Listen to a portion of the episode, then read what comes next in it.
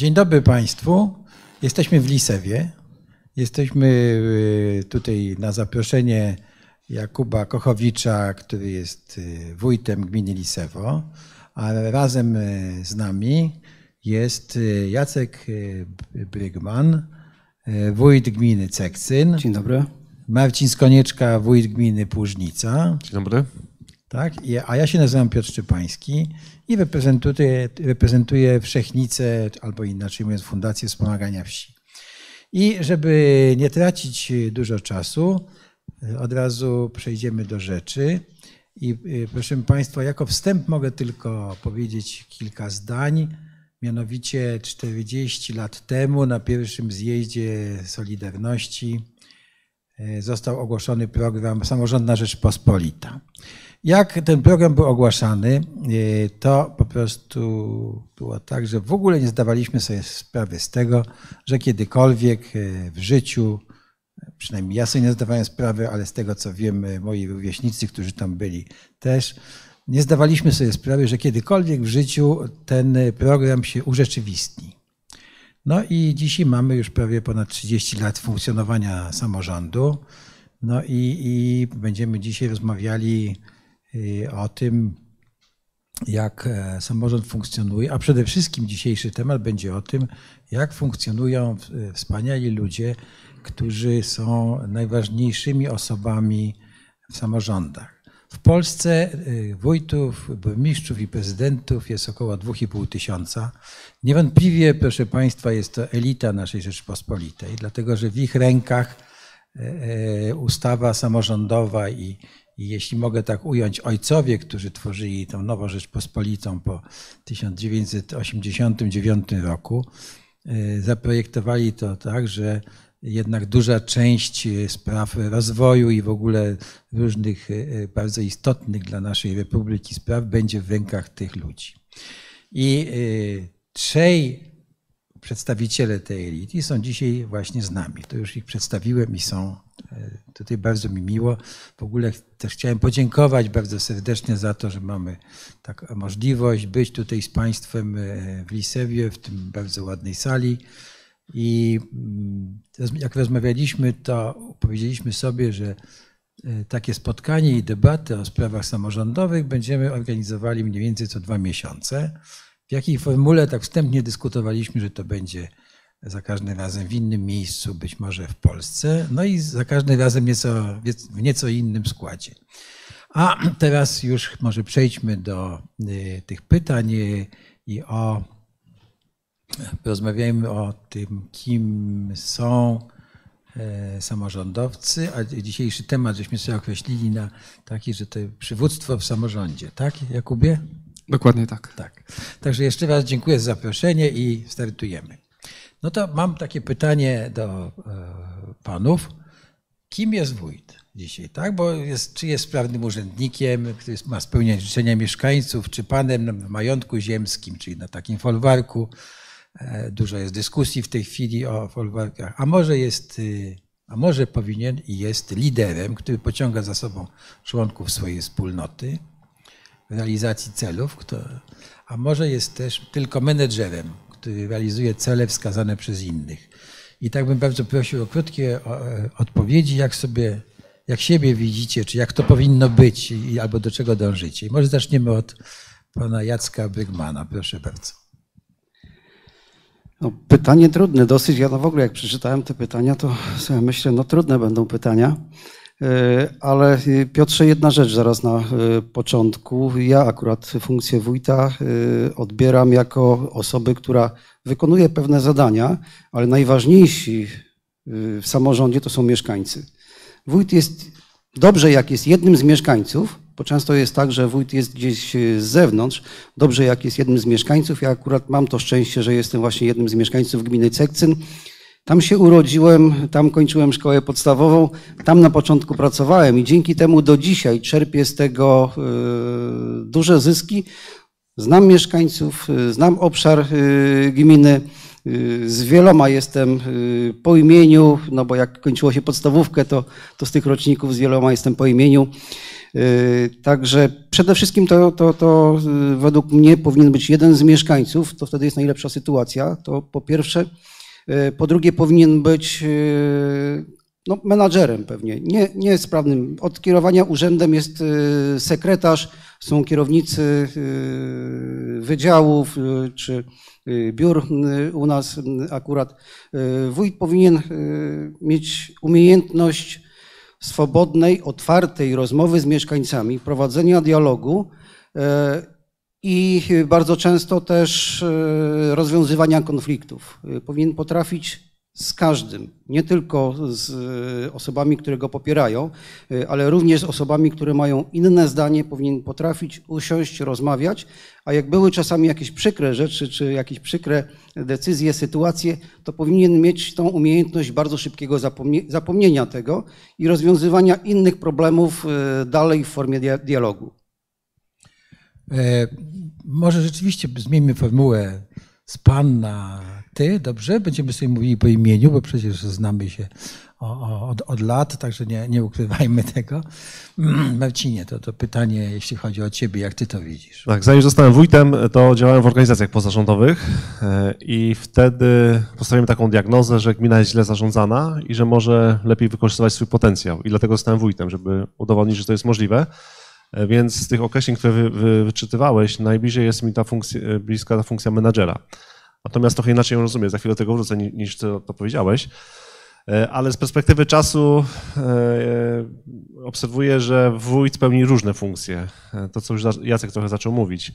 Jesteśmy i sędziami, i czasami psychologami, i czasami ludźmi, z którymi chcą mieszkańcy porozmawiać, czasami chcą wiedzieć, co my myślimy, wytyczamy jakieś trendy tłumaczymy ludziom różne zjawiska, przedstawiamy trudne decyzje, więc naprawdę tych ról jest bardzo, bardzo wiele i też oczekiwań co do tego, jak, jak ta funkcja powinna być pełniona. Wracając do funkcji zarządzania, to ja to rozumiem na takich trzech poziomach, e, bo żeby w ogóle czymkolwiek zarządzać, to najpierw trzeba dobrze zarządzać sobą. I to jest podstawowa praca, którą każdy z nas ma do wykonania, niezależnie od tego, jaką funkcję pełni. Tak? Żeby dobrze znać swój, swój potencjał, swoje możliwości, swoje pasje, swoje wady i zalety, bo też takie pewnie są. E, mówię o wadach. E, jeżeli to dobrze mamy poukładane, to wtedy możemy wyjść na zewnątrz. E, I, drugi poziom to jest zarządzanie zespołem. I to jest dla mnie bardzo ważne w urzędzie, żeby urząd był zespołem, żeby nie było tak, że jest wójt i wykonawcy poleceń, tylko żeby właśnie to był zespół, który realizuje misję i ta misja jest najważniejsza. Nie pomysły wójta, nie to, co wójt tam sobie wymyślił, tylko misja, którą mamy i żeby pracownicy w tej misji, w realizacji tej misji byli jak najbardziej samodzielni, bo wtedy to ich to motywuje do, do pracy. I trzecim poziomem, znaczy zespół, e, no i trzeci trochę już jakby przyszedłem do tego, czyli organizacja, bo e, w przypadku moim, jako wójta, to moim najbliższym zespołem to jest zespół kierowniczy, czyli kierownicy poszczególnych referatów i to jest najważniejszy zespół w urzędzie, a dopiero potem jest organizacja, czyli te wszystkie zespoły moich kierowników, wszyscy pracownicy różnych jednostek, razem stanowimy organizację, która działa na rzecz lokalnej społeczności. Jakubie, dziękuję bardzo. Ja dla odmiany zacznę trochę od końca Twojego pytania, ponieważ e, końcówka brzmiała, czy, czy wójt to, e, czy to nie jest czasem tak, że jest panem na wościach, tak? I e, ja mogę powiedzieć, że ja sobie nie wyobrażam, żeby tak w ogóle mogło być, chociaż wiem, że tak niestety jest, że czasem wójtowie decydują o tym, proszę jaki papier toaletowy ma kolor w urzędzie gminy, albo jak są ściany pomalowane. Dla mnie ważne jest to, żeby być wójtem ludzi, i z ludźmi, o czym też Jacek e, powiedział. To znaczy, żeby e, tam gdzieś da, włączać ludzi w procesy podejmowania decyzji, ponieważ ludzie czują się odpowiedzialni za to, co tworzą. Jeżeli współtworzą razem ze mną, czy to w zespole urzędu, czy to w sołectwie, czy to w Radzie Gminy, czy w organizacjach, z którymi współdziałam, to oni czują się odpowiedzialni i my wszyscy czujemy się odpowiedzialni za tą wspólnotę, w której mieszkamy. Zresztą wielokrotnie powtarzam to mieszkańcom, no bo prawda, na każdym spotkaniu pojawiają się różne problemy z utrzymaniem terenów, dróg. Ja mówię, słuchajcie, no to, to jest nasza wspólna sprawa. To nie jest tak, że nie wiem, park czy teren e, przy Świetlicy to jest teren gminy, wójta, tak, czy urzędników, tylko to jest nasz wspólny teren. Więc dla mnie najbliższą jest rola zdecydowanie lidera, e, ale lidera, który ma to podejście partycypacyjne i taki, takiego lidera, który też szufa ludziom. Nawet jeżeli robią coś inaczej, robią, e, rozumieją coś inaczej, ale to nie oznacza, że robią to gorzej, czy, czy to, co akurat ja bym chciał, jest lepsze, tak? Bo też uważam, że nawet jeżeli popełniamy błędy, to dajmy sobie tą przestrzeń na popełnianie błędów. Ufajmy i dajmy też ludziom przestrzeń do popełniania błędów, bo na tych błędach najlepiej się uczymy. Jaka też jest ważna rola wójta, czyli jako lidera, to jest to, że też e, widzi trochę szerzej i dalej. Ma wizję gminy, e, którą potem konsekwentnie realizuje. I teraz jest pytanie, czy to realizuje w sposób taki, prawda, z góry, decydując o wszystkim, czy decyduje wspólnie z mieszkańcami. E, no i właśnie, czy jestem liderem, czy tym panem na folwarku? Dla mnie jest zdecydowanie lider, e, człowiek, który wyznacza cele, ma wizję i zaraża tą wizją innych. Jeśli można tylko się odnieść do tego, bo to, co Kuba mówił, to de facto jest zapisane w Konstytucji, tak? Jest zasada pomocniczości, czyli żeby problemy były rozwiązywane tam, gdzie powstają. Jeżeli jakiś człowiek ma problem, to on powinien w pierwszej kolejności sam rozwiązać, ewentualnie rodzina, sąsiedzi, sołectwo, dopiero potem gmina, a na końcu gdzieś tam już na samym szczycie państwo. Niestety w Polsce nie wszyscy tą zasadę dobrze rozumieją e, i zwykle chyba politycy, ale też czasami wójtowie e, czy inni samorządowcy mają silną potrzebę kontrolowania wszystkiego. E, tego przykładem jest to, że tylko w połowie gmin w Polsce jest fundusz sołecki. Tak? W innych, czyli w połowie gmin to mieszkańcy decydują na co wydawać pieniądze, a w połowie gmin wójt decyduje, co ma być robione. E, ja jako e, osoba, która zarządza gminą też ciągle walczę ze sobą, bo rzeczywiście mam silną potrzebę kontroli e, i chciałbym wszystko wiedzieć, co się dzieje, wszystko kontrolować, a to jest właśnie sprzeczne z taką kulturą organizacyjną, w której właśnie to pracownicy mają podejmować pewne decyzje i to, co Kuba mówił, też podejmować ryzyko. No i też jest taki mechanizm tego folwarku, to myślę, że im bardziej na wschód, to ten mechanizm jest silniejszy. Chodzi mi o, nie o Polskę, tylko w ogóle o Europę. To znaczy, jeżeli e, właśnie taki wójt e, czy inna osoba rządząca mm, o wszystkim decyduje samodzielnie, no to jeżeli da komuś dotację, czy jakieś, nie wiem, kupi pięć krzeseł na świetlicę, no to wtedy wdzięczność jest dla tego wójta, dla tej osoby decyzyjnej, tak? I wielu to lubi i w tym się jakby pławi. E, to dotyczy też. No tak, przychodzi taki człowiek, wójt mi kupił. Tak, to wójt kupił, nie? A, a, właśnie w takich e, gminach, gdzie mamy fundusz sołecki i dajemy władzę mieszkańcom, to też musimy się z tym pogodzić, że trochę tego, tej, nie wiem, prestiżu też oddajemy tym mieszkańcom, no bo wtedy już ci mieszkańcy nie powiedzą, że to wójt im kupił ten, te krzesła, tylko oni, oni sami sobie kupili, tak? Ale to w dłuższej, w dłuższej perspektywie ten model, o którym mówimy, no dużo jest lepszy, bo ludzie biorą za to odpowiedzialność i się rozwijają. Ale, ale Trochę strony, cierpi nasze ego, ale to no, coś zaraz, za coś. Zaraz E, e, oddam Ci głos, żebyś mógł też skomentować, ale w Polsce jest tak, że prawda, e, przepraszam za taki kolokwializm, ale Duda da, tak? Morawiecki da, wójt da, tak? Wszyscy dają w Polsce. Tak jest takie podejście często ludzi. To tak jeszcze żartem oczywiście film Sami Swoi, pamiętamy wszyscy doskonale, nie? Co to za demokracja, że każdy może mieć swoje zdanie. Ja czasami żartując y, u siebie y, w trakcie dyskusji, to też ja zawsze mówię, że ja, ja jestem demokratą. Naprawdę, ja uwielbiam demokrację, dopóki jest po mojemu. To był żart oczywiście. Yy, tak, i jedną rzecz chciałbym yy, dodać właśnie na to pytanie pierwsze. Tak. Jeszcze tak. tu chłopaki mówili też o tym, wójt powinien mieć tą umiejętność wysłuchania pracowników, kierowników swoich pracowników, mieszkańców też. Oczywiście do niego należy y, decyzja, y, ale ja to, co, czego się na początku zupełnie nauczyłem, bo ja tu jestem najstarszy stażem, 23 y, lata już funkcja wójta. Na początku, z czym się zderzyłem, to nie mogłem tego zrozumieć, że pracownicy przychodzili z problemem i czekali na decyzję. A ja tak patrzę i mówię, no nie, no ale poproszę Rozwiązanie. Jest problem? Rozwiązanie. Jedno, drugie, trzecie, które pan, pani by z tego wybrała. Wójt nie musi wiedzieć wszystkiego. Nie ma wyłączności na y, wiedzę. Musi mieć umiejętność wysłuchania pracowników, wysłuchania radnych, sołtysów, y, mieszkańców swoich i wtedy dopiero po pełnej argumentacji podjęcie de decyzji. Jakubie, jeszcze druga, drugiej rundzie jeszcze chciałbyś tak, coś tak, dodać? Tak. Ja chciałbym powiedzieć też o tym, że e, ten styl jest trudny to nie jest tak, że tak łatwo powiedzieć, prawda, damy władzę wszystkim i niech ludzie decydują. E, bo to nie zawsze tak tylko na tym polega, tak? Że ta partycypacja to nie jest tylko tak, że e, przyjdzie 10 osób i 10 osób ma inne zdanie, tak? To się nie da. Ale to też jak gdyby tutaj nasza rola, że zbierając opinię od tych 10 osób, szukamy rozwiązania, które jest dobre albo najlepsze, tak? To jest też nasza odpowiedzialność, nasza odwaga też w podejmowaniu decyzji. I, I ten styl jest też trudny, bo, czym Marcin wspomniał, my pozbywamy się tak zwanej w cudzysłowie władzy, tak? No i pytanie też zasadnicze do każdego, kto pełni taką funkcję, czy chce zarządzać, czy, czy, czy kierować gminą z pozycji władzy rozumianej jako przekazanie jakichś narzędzi, tak, czy tej władzy gdzieś z góry, czy poprzez swój autorytet, tak, zarządzanie przez autorytet. Ja uważam, że zarządzanie przez autorytet jest dużo skuteczniejsze, bo jest budowane na zaufaniu. Zarządzanie oparte na władzy jest po prostu czym dzisiaj ta władza jest, której nie ma. Ale autorytet, który mamy, który budujemy, jego jest, prawda, bo władzę rozdobędziemy i wtedy się jej trzymamy, ale zdobycie autorytetu i utrzymanie go jest dużo trudniejsze ale, niż. No to dobrze, to w takim razie e, e, mam ochotę Was od razu zapytać, e, na czym ten autorytet polega z Waszego punktu widzenia? No bo oczywiście mieszkańcy gmin, no to inaczej na to patrzą, bo to łatwo popaść coś takiego, wójt się mądrzy, tak? A, a co on tam wie, prawda, jak u, u mnie się ten przepust tam zapycha ciągle, co on, co on tam wie, Ja tak? bym jeszcze inaczej na to Ale- spojrzał. hmm?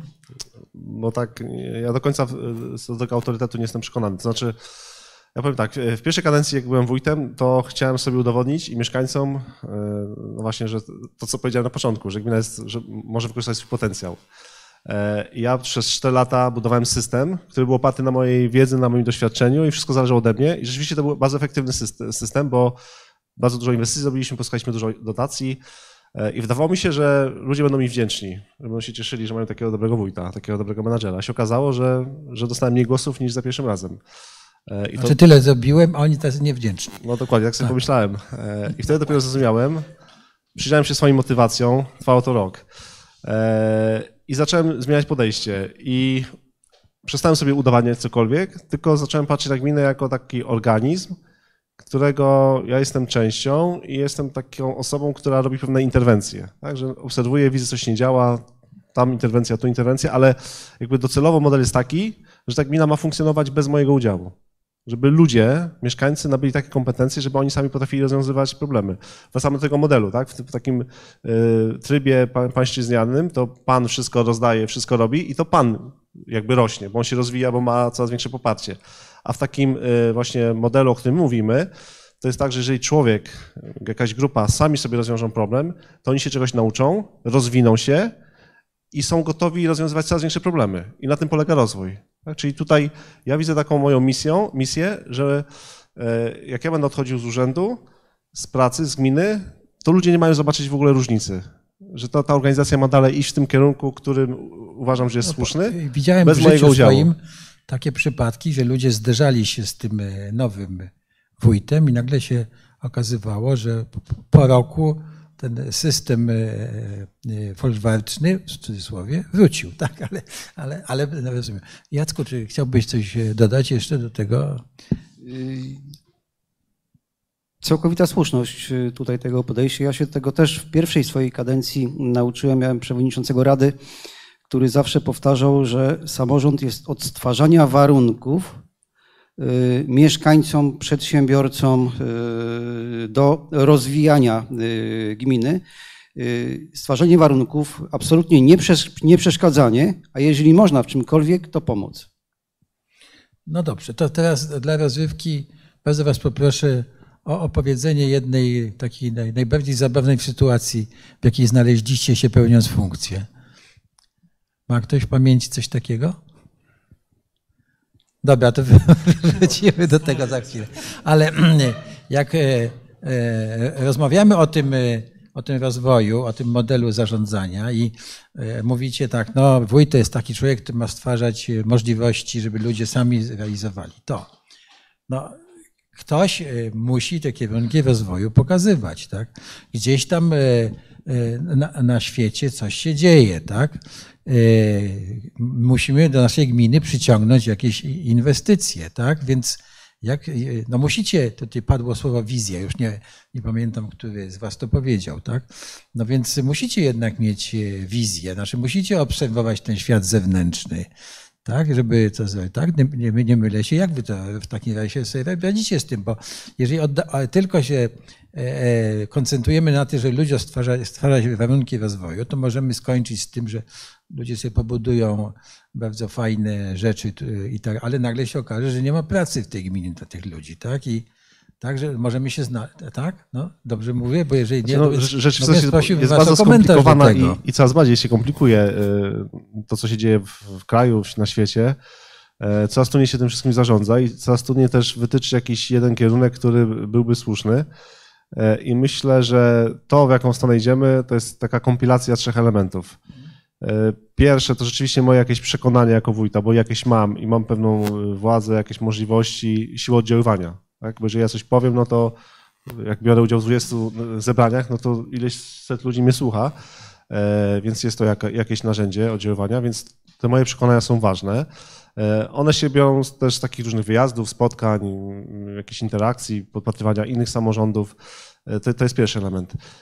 Drugi element to jest wiedza ekspercka, która jest potrzebna w, w samorządach. I różnego rodzaju szkolenia, eksperci, którzy do nas przyjeżdżają, którzy nam podpowiadają, którzy mówią o trendach, którzy mówią o wyzwaniach, różnego rodzaju seminaria i tak dalej. Ale trzeci element bardzo ważny w tym wszystkim to są y, potrzeby i obawy mieszkańców. To jednak musi się wszystko łączyć, bo jeżeli będę miał świetną wizję, popartą analizami ekspertów, a mieszkańcy tego nie poczują, to wybuduje jakąś, nie wiem, infrastrukturę, z której potem ich nie będzie korzystał. Tak? Więc to musi wszystko być, te trzy elementy moim zdaniem muszą być spójne, i, i, i muszą wtedy, wtedy zapewniają jakiś, jakiś kierunek rozwoju. Jacku, chciałbyś coś dodać do, do tego? To jest ta kwestia włączenia mieszkańców do y, mhm. zarządzania gminą. To jest począwszy od tworzenia planów odnowy miejscowości, które macie też na pewno w waszych sołectwach y, przez strategię rozwoju gminy. Ja y, od wielu lat, co dwa, trzy lata też w sumie inicjuje podjęcie uchwały y, Rady Gminy y, odnośnie wieloletniej prognozy y, gospodarczej, inwestycyjnej gminy, jakie zadania chcemy realizować. Tą uchwałę staramy się konsultować na zebraniach sołeckich z radami sołeckimi i później ją podejmujemy. Oczywiście każdy z mieszkańców, czy sołtys, czy radnych chciałby wiedzieć, w którym roku moja droga będzie wybudowana, w którym roku będzie plac zabaw e, u mnie. E, niestety, z uwagi na sytuację finansową, my bardzo często nie możemy tego dokładnie, precyzyjnie e, określić, ale możemy to poukładać w jakąś tam kolejność. Ja później, znaczy to jest generalnie koncert życzeń w tej uchwale, ale ja później robię drugą część do tego, przekładam to na możliwości finansowe bo wójt też, y, nawiązując do pierwszego pytania, musi być y, no, trochę finansistą. Trochę wyprzedzać przyszłość, wiedzieć, co będzie się działo z budżetem, bo mamy no, kilka przykładów zawsze co roku w y, Polsce samorządów, które popadają w zbyt wysokie zadłużenia, gdzie jest niestety nieodpowiedzialność w zarządzaniu finansami i wójt musi to też Y, wspólnie ze skarbnikiem y, realizować. Ja to przekładam te marzenia mieszkańców, te zadania, które oni chcą realizować, na możliwości finansowe i pokazuję, no takie zadania w takich latach będą realizowane. Y, I powiem tak, no trochę, trochę siebie męczę, bo później to robię na takie duże płachty i to mam u siebie w gabinecie wywieszone, w którym roku, jakie zadania, nie w którym roku, w jakiej kolejności, jakie zadania chcemy realizować.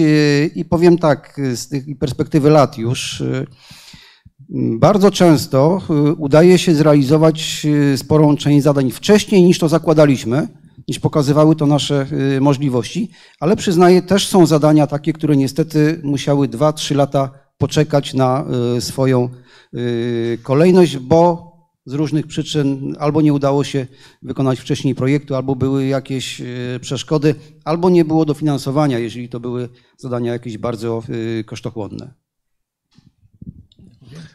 Ja chciałbym się podzielić trochę moimi doświadczeniami właśnie w budowaniu mojej wizji tej gminy. Zanim jeszcze, w zasadzie krótko po tym, jak e, zdecydowałem się na start w wyborach, to, no, 7 lat temu były wybory, czyli jakieś 8 lat temu, żeby mm, sprecyzować swoją wizję, doszedłem do wniosku, że muszę zapytać się też mieszkańców, jak oceniałem tą Wow. moją gminę wtedy, już e, na samym początku i zrobiłem badania ankietowe. I wyszły mi deficyty, ale też e, rzeczy, które mieszkańcy oceniają wysoko.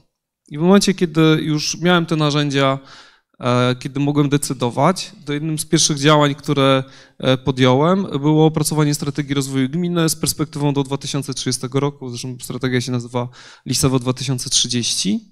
I co było ważne w tej strategii, to po pierwsze, w mojej gminie, gdzie mieszka nieco ponad 5 tysięcy mieszkańców, prawie 1000 osób przez półtorej roku wzięło udział w pracach nad strategią. Długo pracowaliśmy, ale też ten proces rzeczywiście e, włączenia mieszkańców był, był bardzo duży. E, No i potem e, zaczęliśmy się zastanawiać i, i trochę dzielić też te zadania z tej strategii na te zadania, które służą nadrobieniu zaległości, bo one są potrzebne, tak? Trzeba budować drogi, rozwijać sieć wodno-kanalizacyjną, trzeba modernizować szkoły, e, place zabaw, e, boiska i tak dalej, i tak ale to są, ja to nazywam i określam e, e, właśnie nadrabianiem zaległości, natomiast są te zadania, które efekty przyniosą. I to są proste zadania, prawda? No bo jak się buduje kilometr drogi, tam rok, półtorej, prawda, zrobienie projektu, pozyskanie dotacji, wybudowanie, to widać szybko. Natomiast są projekty, na które, e, które wymagają dużo większej ilości czasu, często niż nawet jedna kadencja, albo nawet dwie. E, I to są projekty rozwojowe. E, I, I ta wizja właśnie, e, okazuje się, że można to łączyć, bo, bo można i realizować projekty rozwojowe. One są trudne, one nie są takie namacalne od razu i trzeba też realizować te projekty, które no, nadrabiają zaległości. E, I teraz e, ważne jest to, żeby to właśnie mieszkańcy też e, czuli, że, że oni współdecydowali i, i gdzieś to dla nich też jest ważne, tak? Ja chciałbym też się odnieść do tego, co Jacku powiedziałeś o, właśnie o tym, że gmina mm, powinna stwarzać e, perspektywy, tak? Zgadzam się w tym 100%. E, Natomiast są zadania, które są tylko scedowane na nas. Natomiast są zadania, gdzie rzeczywiście no, my jednym z takich priorytetów, w tym właśnie rozwojowych, no, stawiamy na rozwój mieszkalnictwa, tak? na tworzenie planów zagospodarowania przestrzennego, budownictwo jedno, wielorodzinne, czy ostatnio chociażby postawienie na e, budownictwo społeczne, tak? E, I to przyniesie efekt pewnie w dłuższej perspektywie, ale wierzymy w to, że, e, że to jest potrzebne i, i może, może zadanie nie jest jakieś bardzo ryzykowne, ale, ale na pewno nie przyniesie jakoś szybko i, i tutaj też stwarzamy możliwość, tak? Nie jest tak, że my za każdym razem tu już wchodzimy, budujemy, chociaż to akurat w tym budownictwie społecznym trochę tak chcemy, ale to jest ta, ta możliwość i, i liczymy na to, że też znajdą się inwestorzy, czy chociażby tereny inwestycyjne przy autostradzie, e, po to, żeby, e, no bo nie jesteśmy w stanie wszystkiego robić i, i wbrew, jest też jestem przeciwnikiem tego, żeby gmina za każdym razem wchodziła tam, gdzie może się biznes prywatny rozwijać, gdzie jest e, przestrzeń tak, do tego, to gmina powinna pomagać, tworzyć perspektywy, ale nie wyręczać. Dobra, dziękuję bardzo. To. Jakaś anegdota już jest, czy nie? Jest. Dobra, to mam. Znaczy, znaczy jest tak. yy, Ja akurat lubię sobie pożartować yy, i taki anegdotka z zebrania sołeckiego w jednym z sołec. Yy, Ni stąd, ni zowąd yy, przyjechali panowie yy, policjanci.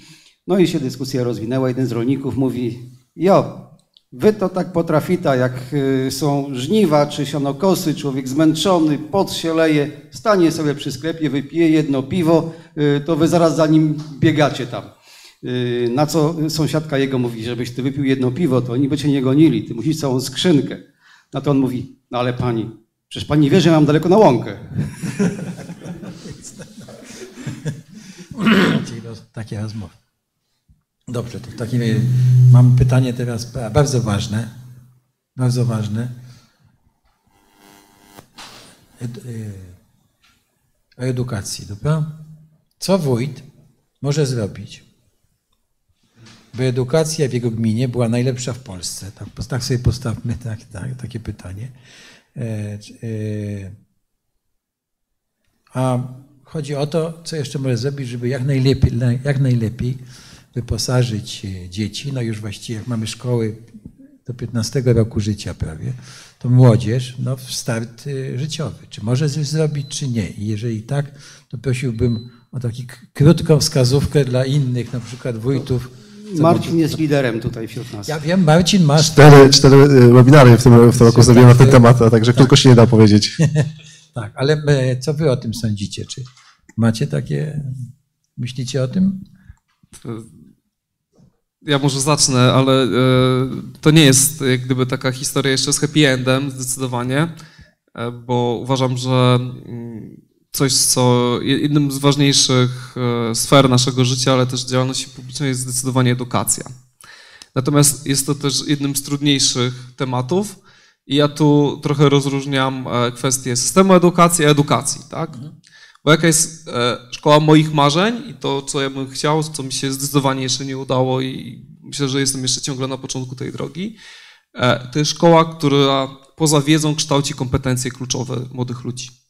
Kształci podejście projektowe, myślenie kreatywne, pracę w zespole i wiele takich kompetencji, które na pewno są kształcone. Ja nie mówię, że tego nie ma, natomiast uważam, że dzisiaj ta, nie ma równowagi, tak? wręcz jest ogromna przewaga wiedzy w stosunku do kompetencji. Tak? I to wcale nie jest wina nauczycieli, to wcale nie jest wina. E, e, inaczej, problem jest dużo bardziej skomplikowany niż, niż tylko takie uproszczenie go, że, że ktoś chce, nie chce, albo robi, albo nie robi. Myślę, że, e, że ważne jest to, co jak gdyby ja mogę dać i to, co mm, chcę i, i staram się trochę, to dać szkołom przestrzeń do tego, żeby się nie bały podejmować prób w zmianie oddolnej że nie wyniki egzaminów dla mnie są najważniejsze jako wójta, tylko to, żeby młodzież, która wychodzi z, z lisewskich szkół, była w przyszłości tym, kim chce być. Czy chce być prawnikiem, lekarzem, wójtem, politykiem, a może świetnym mechanikiem, stolarzem, e, sprzedawcą, przedsiębiorcą, to te dzieci, moim marzeniem jest to, żeby te dzieci po prostu czuły, że obojętnie co będą robiły, jeżeli będzie to im sprawiało radość, przyjemność i satysfakcję, jeszcze jakieś godne życie, to niech to robią. To jest dla mnie bardzo ważne. Ja nie chcę, nie, nie, nie chcę e, omnibusów, prawda? Bo tak nie będzie, bo tak się nie da, tak? Ale marzę o tym, żeby moje dzieciaki po prostu wychodziły z tych szkół e, otwarte na świat, odważne, e, z zaufaniem do innych, potrafiące radzić sobie w każdej sytuacji, również z wiedzą, bo ta wiedza też jest potrzebna. E, takim przykładem, który my robimy tu w Lisewie, to jest praca z młodzieżą w postaci młodzieżowej rady. I właśnie to, o czym mówię, staramy się, to jest mała grupa, 11 osób, tak, w przypadku gminy Lisewo. Też są dzisiaj na sali przedstawiciele. I, i to, co, to, co chcemy, do czego ich przekonać, to właśnie, że, że świat jest stoi otworem dla nich. Obejmie, co chcą robić, ale że są kompetencje, które niezależnie co będą robić, są ważne i one zaprocentują. Jeśli Jacku, można... Chciałeś coś skomentować jeszcze? To ja, Jacek mnie wołał do odpowiedzi. E, tak, postaram się stracić te moje takie główne idee. E, po pierwsze, um, uważam, że samorządy zbyt mało zajmują się edukacją. Jak jeździłem przez wiele lat na różnego rodzaju spotkania e, samorządowe, to była dyskusja bardzo często, ale ona się sprowadzała do dwóch, trzech tematów. Pierwszy to, że subwencja oświatowa jest za mała. Przez wiele lat się nic nie zmieniło, bo zawsze ciągle jest zbyt mała do kosztów. Druga rzecz to, że kata nauczyciela jest zła, bo powoduje wiele problemów. No i trzecie, że podstawa programowa też jest zła. No i tak sobie gadamy, gadamy i nic z tego nie wynika, bo nie mamy na to wpływu. Politycy, opcje się zmieniają, a problemy zostają. E, I w pewnym momencie się wkurzyłem, mówię, ok, no to zostawmy to, bo i tak na to nie mamy wpływu. Zobaczmy, na co mamy wpływ. I się okazuje, że rzeczywiście jest sporo rzeczy, które możemy lokalnie zrobić i sporo rzeczy zależy od nas, tylko musimy wziąć za to odpowiedzialność. Wójt, radni, dyrektor, nauczyciele, każdy musi wziąć za odpowiedzialność za to, za to, co robi i przestać się e, wymawiać przepisami, kontrolami i tak dalej. Bardzo często to w urzędzie, w szkole, wszędzie, w organizacjach czegoś nie robimy, albo coś robimy, bo się boimy kontroli, albo czegoś tam innego. Szkoły pracują dla oceny. No taki mamy model. E, I to, co Kuba mówił, no w szkole, dla mnie przemawia model szkoły w Radowie Małym, I tam najważniejszą rzeczą w szkole jest dobrostan dzieci, czyli szczęście i zdrowie dziecka. Nieważne są oceny, nieważna jest wiedza, tylko żeby to dziecko było szczęśliwe i zdrowe. No i pytanie, czy właśnie nie, nie po to powinna być szkoła. Do takiego modelu myślę, że wiele nam brakuje e, i to nie tylko chodzi o model polski, ale to w całej Europie. Takim moim ulubionym autorem jest Jasper Juhl, który wręcz nazywa szkołę jako taką organizację przymusowego pobytu. I on twierdzi, że ten model, który mamy, jest stworzony dla 10 najlepiej, najlepszych e, procent uczniów. Tak? On sprzyja tym właśnie osobom, które są, mają dobre wyniki w nauce i taki model wiedzowy jest dla nich dobry, a pozostałe 90% po prostu w tej szkole e, się męczy. No tutaj można wiele badań przytaczać i tak dalej, natomiast e, ten model trzeba zmienić i wydaje mi się, że to, co się w szkole uczymy, to potem mamy w, w kraju, w Polsce. E, I my uczymy posłuszeństwa w szkole. To jest główna, główna dzisiaj moja diagnoza e, i największy problem, że szkoła uczy posłuszeństwa, a powinna uczyć odpowiedzialności i powinna e, jakby też być takim miejscem, gdzie ludzie odkrywają swoje talenty, swoje możliwości i tego mi na przykład w mojej szkole zabrakło. A czy myślicie, przepraszam Jacku, chciałeś jeszcze coś skomentować?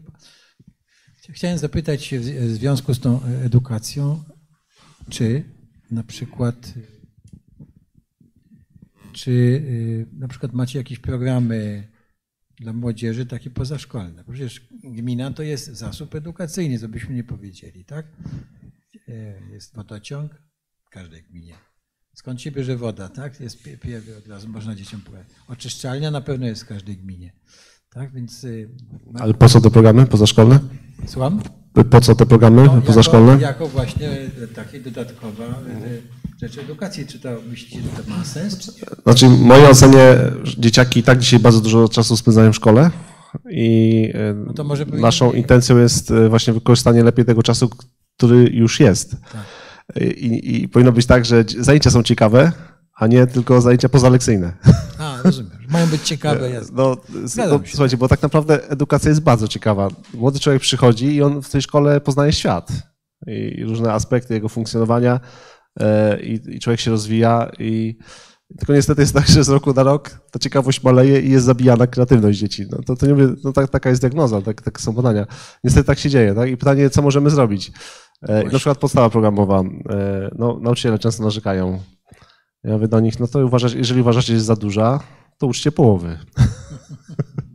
No to oczywiście jest, mówią, że to jest niemożliwe, bo będzie kontrola, że będzie egzamin, że będzie jakieś pytanie e, i potem rodzice będą e, wkurzeni na nich, że czegoś się nauczyli. Ale wiecie, to tak jakby pokazuje mechanizm naszego funkcjonowania, nie? że jednak sporo możemy zrobić sami, tylko musimy się dogadać lokalnie. Ale też widzę, że mm, e, no, znaczy rodzice też mają bardzo duże oczekiwania. Niektórzy nie chcą tych zmian, niektórzy uważają, że ten model jest bardzo dobry, bo oni przeżyli ten model i się sprawdził i są tam, gdzie są, więc oni chcieli, żeby szkoła funkcjonowała tak jak kiedyś. E, no a mi się wydaje, że jednak jak nie zmienimy edukacji, to w Polsce moim zdaniem się nic nie, nie zmieni na lepsze. Słuchajcie, to teraz chciałbym was zapytać, zanim... Jeszcze ja bym chciał. Tak?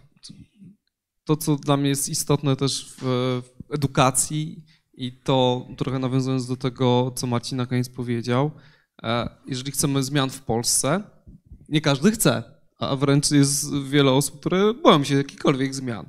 No, to nam zawsze. są potrzebni liderzy. Mhm. E, I uważam, że ogromną rolą szkoły jest kształtowanie liderów, nie uczenie liderów, kształtowanie poprzez działanie. I, e, i to jest kluczowa sprawa, tak? Więc tu. E, Ale co wójt może zrobić tutaj? Znaczy oprócz powiedzieć, panie dyrektorze, niech pan kształci liderów, tak? No, tak, a dyrektor mówi, a panie, ale jak ja mam to robić? No.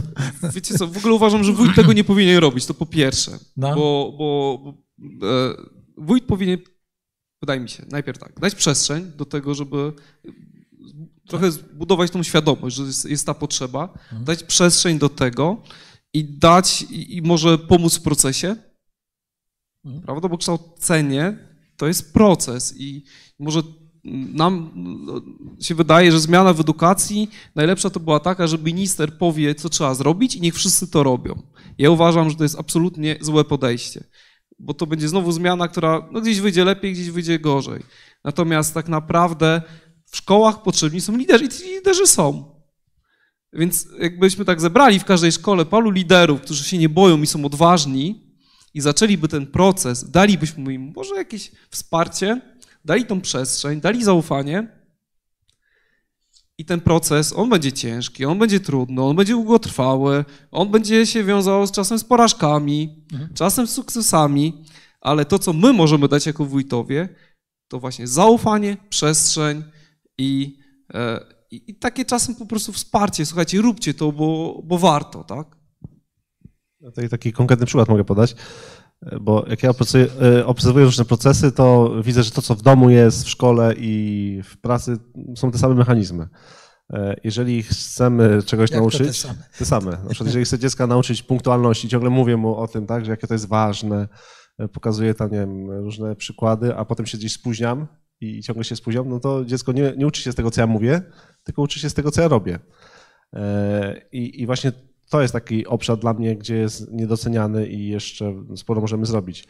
I to, co ja na przykład zrobiłem na początku tego roku szkolnego, to poprosiłem o spotkanie z nauczycielami.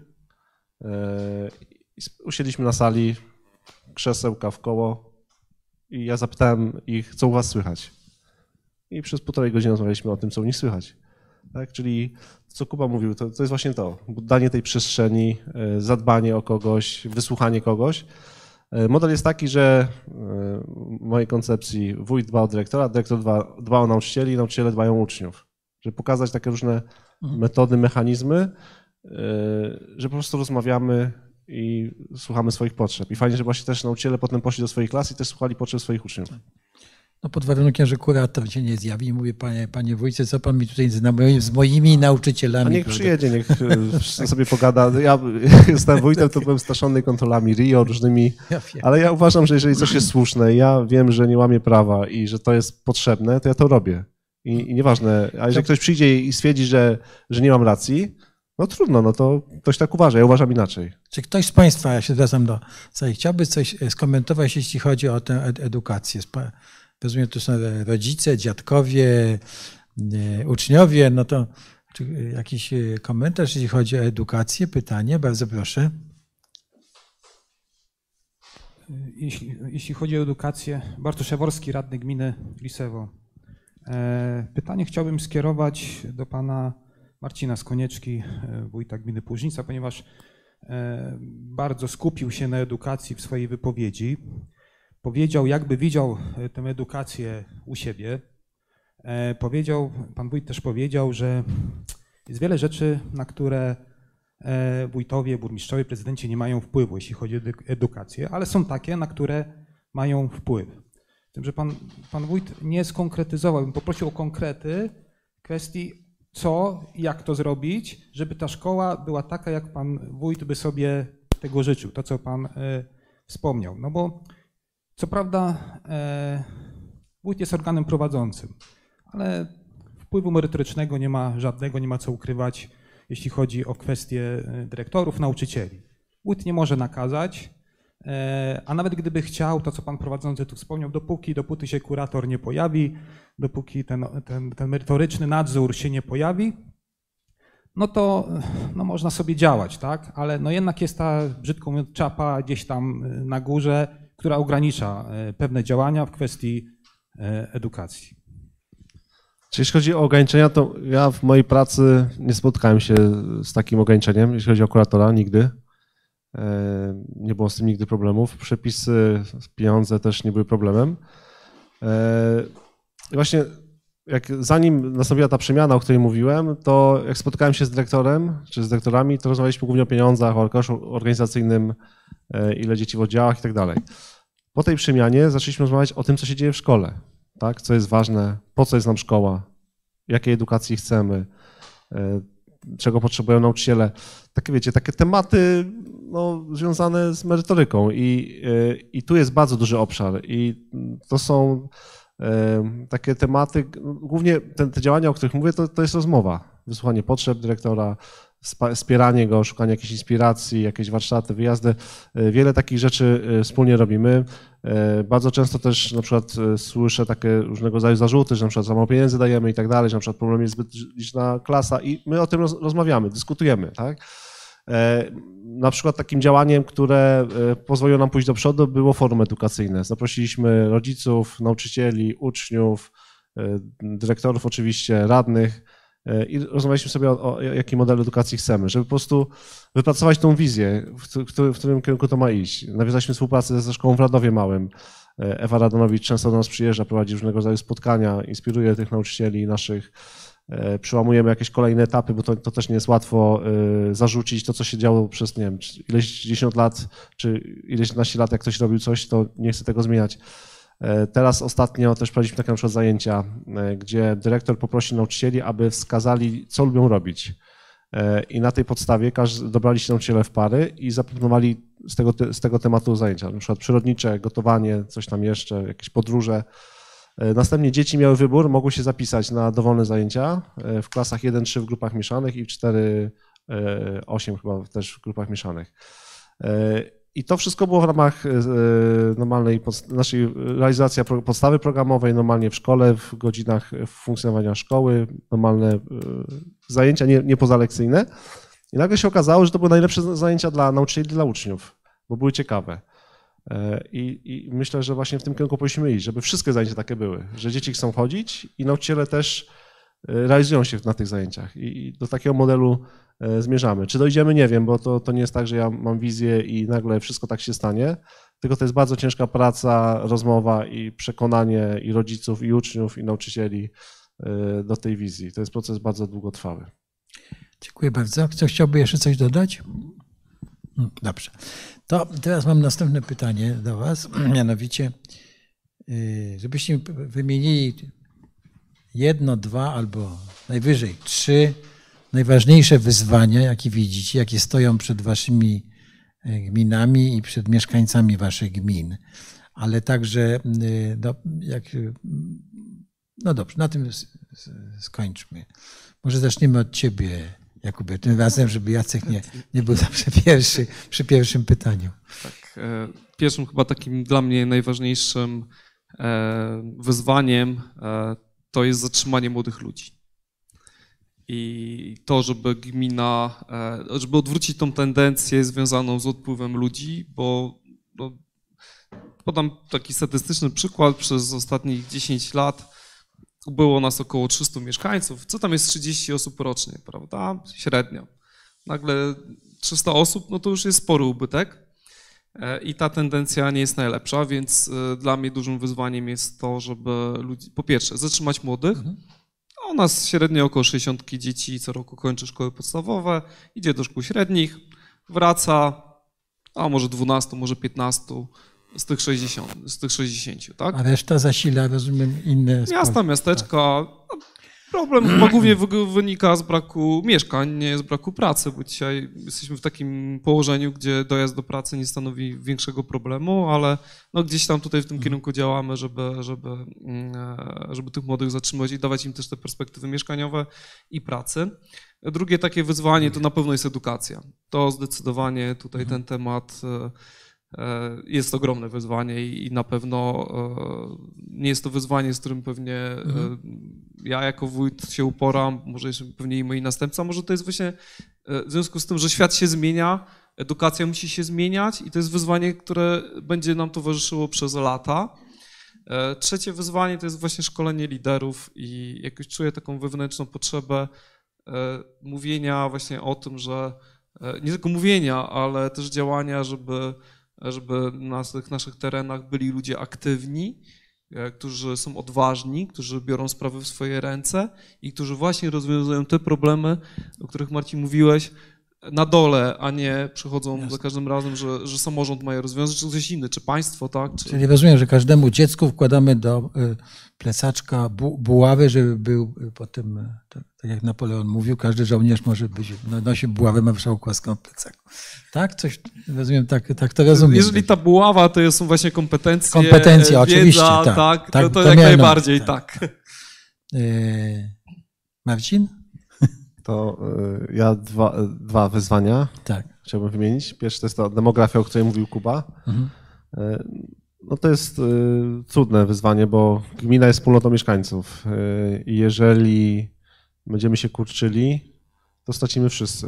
No bo też gospodarka będzie mniejsza, mniejsze przychody, mniejsze możliwości, więc takie gminy jak nasze, wiejskie, niewielkie, gdzieś tam daleko od jakiegoś dużego miasta, no są w takiej kategorii zagrożonej, e, mówi się o gminach zagrożonych marginalizacją. No gmina Płużyca jest w takiej, w takiej grupie. E, I od praktycznie początku mojej pracy staramy się ten trend odrzuci, od, odwrócić. Pierwszym pomysłem takim strategicznym to była budowa Płużyckiego Parku Inwestycyjnego, czyli ściągnięcie inwestorów, tereny, przygotowanie terenów. E, Drugi temat to budowa e, budynków wielorodzinnych. No niektórzy z miast mnie pytają, dlaczego na wsi budujemy bloki, tak? że to no, bez sensu, że tak, tak nie powinno być. No ale właśnie ja tłumaczę, że na wsi tego brakuje, że to jest oferta dla młodych ludzi, którzy e, nie chcą mieszkać z rodzicami, to jest oferta dla seniorów, którzy mają gdzieś dom w polu i nie są w stanie tego domu w, dom, w zimę utrzymać. E, No a dla nas to jest rozwój. No to, co się w Lisewie kiedyś wydarzyło, tak? Powstało ileś tam bloków e, i, i, i kilkaset ludzi tam mieszka w tych blokach i przez to Lisewo stało się takim małym miasteczkiem. I właśnie ten trend budowy bloków, który zapoczątkowaliśmy, to procedowaliśmy na, na, na gminie Lisewo, gminie Lise, Lise, tak, na tej miejscowości, dokładnie mówiąc.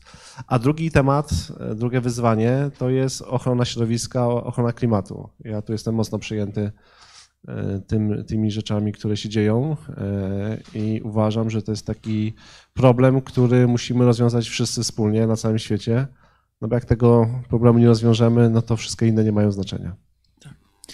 Jacku? No, demografia tu Jasne. na pierwszym punkt y, na pewno, który nam się wysuwa y, aktualnie w Polsce. y, Dwie trzecie gmin ma z tym problem. One się wyludniają, szczeg- szczególnie na ścianie wschodniej. Rozwój taki bardzo szybki obserwujemy w gminach obwarzankowych wokół dużych miast, a te gminy oddalone właśnie mają z tym y, problem. Ja y, bardzo się cieszę, że jako gmina Cekcyn, gdzieś tam y, w środku Borów Tucholskich, gdzie my daleko mamy do dużych miast, y, nie mamy autostrady, nie mamy drogi wojewódzkiej. y, U nas akurat ta demografia jest na y, lekkim plusie i to właśnie od kilku lat. Jak zaczynałem, to było 6300 mieszkańców, y, w tej chwili jest 6900. To nie jest dużo, to jest 20-25 y, osób. Oczywiście młodzież też odpływa, y, ale u nas akurat od y, kilku lat teraz bardzo mocno postępuje budownictwo y, mieszkaniowe, takie głównie jednorodzinne. Pojawiły się też bloki, ale głównie jednorodzinne i to, co my staramy się robić, to właśnie przygotowywać tereny, uzbrajać te tereny, żeby jednak zachęcić ludzi do tego, żeby się chcieli budować. E, I teraz akurat no, sytuacja covidowa spowodowała y, bardzo duży boom, że w tej chwili naprawdę bardzo dużo y, osób y, z miast chce się wyprowadzić z bloków na tereny wiejskie. Nie jest dla nich już w tej chwili problemem dojazd godzinę do Bydgoszczy czy godzinę 15 do Torunia. No ważne, żeby była też ta komunikacja, u nas akurat funkcjonuje częściowo komunikacja dosyć dogodna kolejowa do Bydgoszczy. Y, Także mm, demografia na pewno ważny temat i my od kilku lat właśnie, no, przez kilkanaście lat mówiliśmy ciągle o turystyce, y, o tym, że jako Bory Tucholskie, tereny chronione i tak dalej. No, szczerze powiem, trochę między bajki włożyć. To może być jako sposób y, dorobienia sobie do budżetu, y, czy mieszkańców, czy, czy jako kierunek rozwoju gminy, ale to zawsze będzie jako taki dodatek. Ważniejsze uważam y, dla nas jest to, żeby dbać o przyrost mieszkańców gminy, bo wtedy oczywiście zwiększa- zwiększają się dochody, wtedy się rozwija przedsiębiorczość, yy, wtedy też będzie za co utrzymać tą, tą infrastrukturę, którą wybudowaliśmy yy, wcześniej. Także to po pierwsze. Po drugie, yy, no niestety, ale w ostatnich latach obrona samorządności bo y, ja nie muszę chyba nikogo tutaj na tej sali przekonywać. y, To, co wydarzyło się przez te ponad 30 lat samorządów, to Państwo doskonale wiecie, y, mieszkając w Waszych sołectwach, jak to wyglądało 30 lat temu, jak to wygląda w tej chwili. Dzięki samorządom, dzięki wstąpieniu Polski do Unii Europejskiej, dzięki też częściowo funduszom rządowym, ta infrastruktura y, bardzo mocno się zmieniła y, w naszym terenie. My, szczerze powiem, niewiele pewnie odbiegamy już od tych możliwości, które są y, w dużych miastach. ale niestety w ostatnich kilku latach ta samorządność jest nam odbierana w postaci odbierania nam kompetencji, gdzie coraz częściej zdarza się tak, że ustawodawca wie lepiej i ustawodawca wie, jak w gminie Lisewo zorganizować gospodarkę odpadową, jak prowadzić edukację, czy jak budować drogi. Y, nawet, bo to w wielu programach też się pojawiało, że były wymogi, że jak chcecie dofinansowanie, to musicie zbudować taką, a nie inną drogę, a wy na przykład y, moglibyście stwierdzić, że, że y, no nie jest wam potrzebna taka droga o takich parametrach, że moglibyście z tego dofinansowania wybudować dłuższy odcinek drogi o trochę innych mm, parametrach, czy przy gospodarce odpadowej, gdzie ustawodawca swego czasu narzucił, sposób rozliczania y, całej tej gospodarki, ten system y, i narzucił częstotliwość wywożenia odpadów. Teraz częściowo to się akurat zmienia i to bardzo dobrze, ale jest wiele takich przykładów, które moglibyśmy podać, że wykorzystując wiedzę samorządową, wiedzę mieszkańców, też moglibyśmy coś zrobić inaczej, coś zrobić lepiej. E, ja zawsze mówię, że każda gmina to trochę inna bajka, trochę inne uwarunkowania. E, I nie zawsze schemat, który jest w ustawie podany, sprawdzi się w Lisewie, w Późniczcy czy e, w Cekcynie. Od tego jest samorząd, żeby, owszem, zadanie własne samorządu, ale niech samorząd zastanowi się, jak to zorganizować jak najbardziej efektywnie. I trzecia rzecz, uciekła? Może w drugiej rundzie w takim razie. Okay. Dobrze? Chcielibyście coś dodać jeszcze do, do tego? Coś wam uciekło w czasie wypowiedzi? Mówimy o tych najważniejszych wyzwaniach. To była e, demografia, bo wymieniona dwa razy. Mówiłeś o edukacji. E, już, od, już, była, mowa, już była mowa, Proszę ale bardzo. właśnie to, co ja e, obserwuję, ja przyznaję, że ja rozpoczynając funkcję wójta, jedna z, jeden z pierwszych wyjazdów y, był do gminy Płużnica. Y, jak jeszcze y, tata Marcina był wójtem w 99 roku, bo chcieliśmy się nauczyć tworzenia organizacji pozarządowych i wyzwalania inicjatywy mieszkańców. I to się udało. W początkowych latach 99, 2000, 2001 był u nas duży boom właśnie na tworzenie organizacji pozarządowych, że bardzo wielu mieszkańców przekonało się do tego, że jeżeli nie weźmiemy rzeczy w własne ręce, no to nikt za nas tego, żaden urzędnik czy ktoś inny tego lepiej nie wykona. Niestety to troszkę z przykrością i to być może jest też moja wina. Stwierdzam, że mm, brakuje nam w tej chwili liderów, którzy by pociągnęli właśnie te organizacje i brakuje nam typowych społeczników i, i na to będziemy chcieli na pewno w najbliższym czasie położyć nacisk, żeby ludzi powtórnie zarazić tą społeczną pracą. Chcecie coś dodać jeszcze? do tego? Znaczy, bo była wymieniona demografia jako największe wyzwanie, następnie edukacja, tak? klimat, tak? No to bardzo ciekawe, bo rozumiem, że walka ze zmianami klimatycznymi zaczyna się od każdego gospodarstwa, co tu dużo mówić, tak? Znaczy od każdego domu. I tu masz rację, to jest ciekawe podejście. I Jacek jeszcze do tego dodał obronę samorządności. No i rozumiem też taki spadek e, inicjatywy, tak? czy tej przedsiębiorczości społecznej, czy jakbyśmy to nazwali. Tak? Ale, ale no ciekawe, czy to się uda, żeby to wróciło. Ale e, mówiliście o e, demografii, mówiliście o tym, że zatrzymujecie ludzi w ten sposób, że budujecie mieszkania, to ja bym chciał jeszcze pogłębić temat, bo to padło tutaj ale co, co, y, jacy są młodzi ludzie dzisiaj według Was? Takie zadam pytanie. Tak, co, co można zrobić, żeby ich zatrzymać na terenie gminy? Albo żeby z tych sześćdziesiątki, która wychodzi ze szkół w Lisewie, żeby wróciło nie 12 osób, tak, tylko żeby wróciło 30. Tak, co można zrobić? Albo inaczej bym postawił pytanie, czy można tak e, zrobić no, gminę tak atrakcyjnym miejscem życia, a zwłaszcza pracy, pracy atrakcyjnej, żeby, żeby ludzie po prostu mieli fan, że tu mieszkają.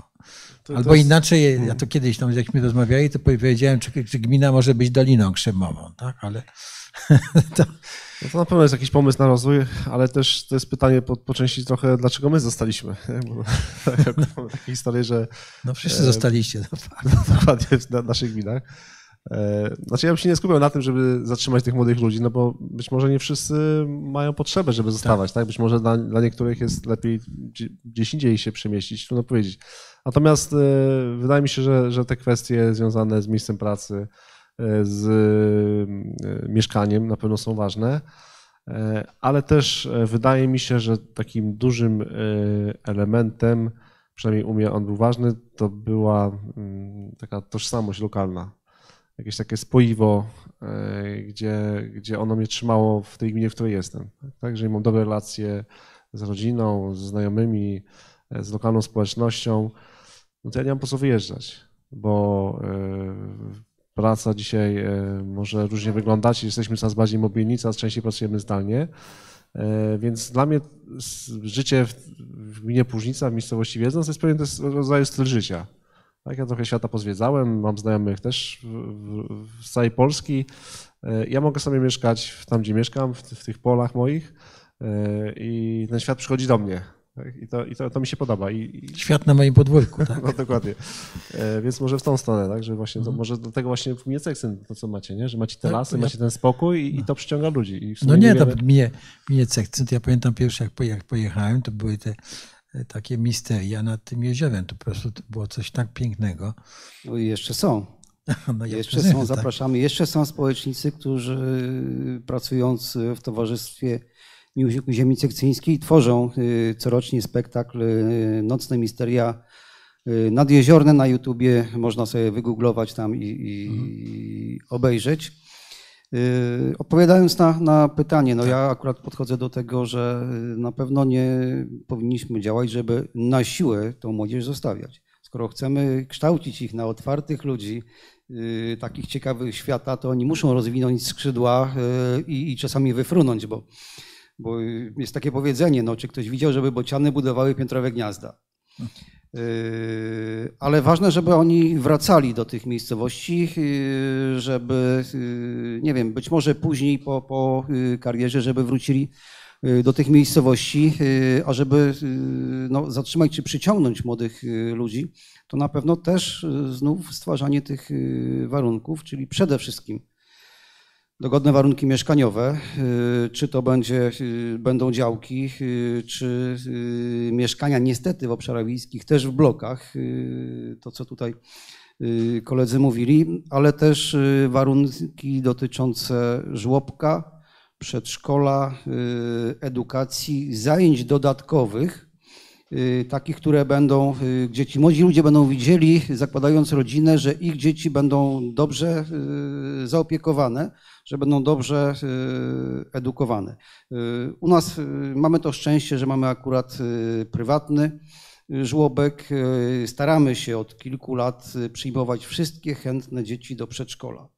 Y, W tym roku mieliśmy problem, bo zgłosiło nam się y, no, piętnastka na początku więcej i była dyskusja. No, radni wiedzą, y, rocznie jeden oddział 100 tysięcy jak nic y, dodatkowo środków finansowych, ale jednak stwierdziliśmy, że, że chcemy, żeby gmina Cekcyn była kojarzona z tym, że tu nie ma problemu y, z miejscami przedszkolnymi.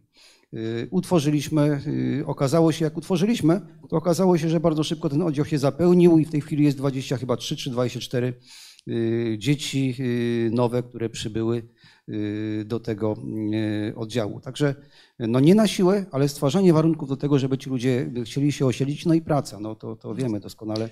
Y, Praca w tej chwili też, y, ta praca zdalna, która y, też przyspieszyła, y, gdzie bardzo szybko wszyscy musieliśmy przejść przyspieszony kurs y, informatyki i nauczyć się y, w ten sposób funkcjonować.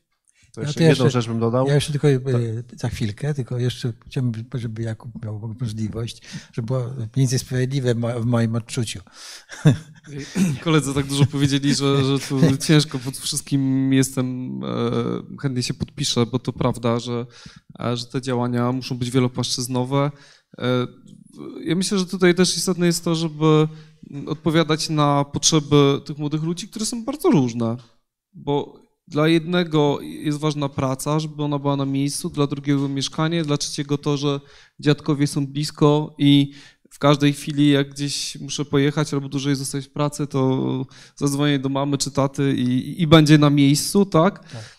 A inny będzie chciał e, po prostu super rozrywki, której pewnie z tym mamy naj, największy problem, tak? Bo jesteśmy mali, żeby, żeby tu robić jakieś nie wiadomo jakie imprezy e, cykliczne, tak? E, więc tutaj, tutaj ja myślę, że to jest też chyba istotne, żeby każda z gmin zastanowiła się, jakie ma zasoby i jak wzmocnić zasoby, żeby ta grupa, do której możemy dotrzeć i przekonać, że akurat tu, no nie wiem, dla nas takim zasobem na pewno jest lokalizacja, dobry dostęp, myślę, że ciekawa infrastruktura, też, też trochę tych rzeczy, przedszkole, żłobek, ale, ale e, no na przykład no, no ciężko, żeby tutaj ktoś został, kto nie wiem, lubi rozrywkowe życie i, i, i tej infrastruktury nie ma i pewnie nie będzie, bo blisko na basen, tak? Tego basenu też pewnie nie wybudujemy.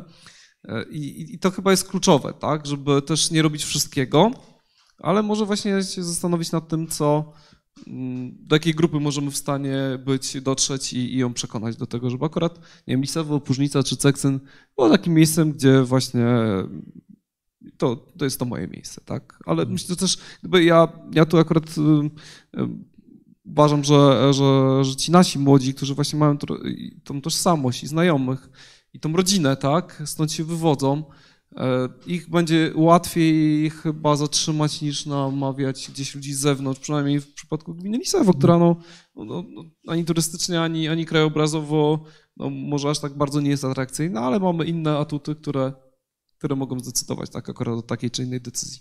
Dziękuję bardzo. Tylko jedną rzecz jeszcze chciałem dodać, tak. bo podobno większość młodych ludzi chce zostać youtuberami, więc tu chyba też by były potrzebne no tak, to było to badanie szybkie łącza, słynne, tak. szybkie łącza, młody Fundacja młody Chińczyk chce być, lat, młody Chińczyk chce być inżynierem, no, tak, a, a młody Europejczyk chce być youtuberem, tak, influencerem i tak dalej. Fundacja Wspomagania Wsi już dawno przewidziała te trendy, bo pamiętam program Evitaniem, to ile 10 lat temu było realizowane gdzie wtedy już mówiliście, że internet jest potrzebny i kompetencje tak. cyfrowe. No, wszyscy się spotkaliśmy w tym programie, pamiętam. Jacku? Już y, krótko dopowiem jeszcze, y, jeżeli nam uda się zatrzymać czy pozyskać dodatkowych mieszkańców, y, to komuś innemu ubędzie. I tu bardziej chyba taki ogólnokrajowy problem jest tej demografii, żeby stwarzać ogólnie w Polsce warunki dla młodych ludzi, jednym zdaniem tylko powiem kwestia opieki zdrowotnej dla dzieci. Braku pediatrów, z czym wszyscy na pewno się y, borykamy. Średnia wieku pediatrów chyba już teraz przekroczyła 60, z tego co y, dobrze kojarzę, i, i to jest ogromny problem, y, ale pewnie poza niestety zasięgiem naszym. Znaczy dwa razy już sięgnąłeś, że tak powiem, do takie problemy dla Rzeczpospolitej, ale zaraz do tego jeszcze wrócimy, jak nam czas pozwoli jak mówimy o demografii, to y, także ludzie starzy, tak? No bo starzeją się. Wasze społeczności się starzeją, jak rozumiem, też macie. Tak? I, y, czy jest to problem i jak go rozwiązujecie? Ale takie bardzo, bardzo szybko jakieś macie pomysły dla, dla innych. Ale szybko w jakim sensie? Wypowiedzieć się szybko. Wypowiedzieć nie, tak nie, no, tak, miałem długą historię to akurat. tak, bo, no, bo nas się zaczęło od, od trzech organizacji Ale nie, nie, tak jak przy tej e, e, reklamie leków, tak?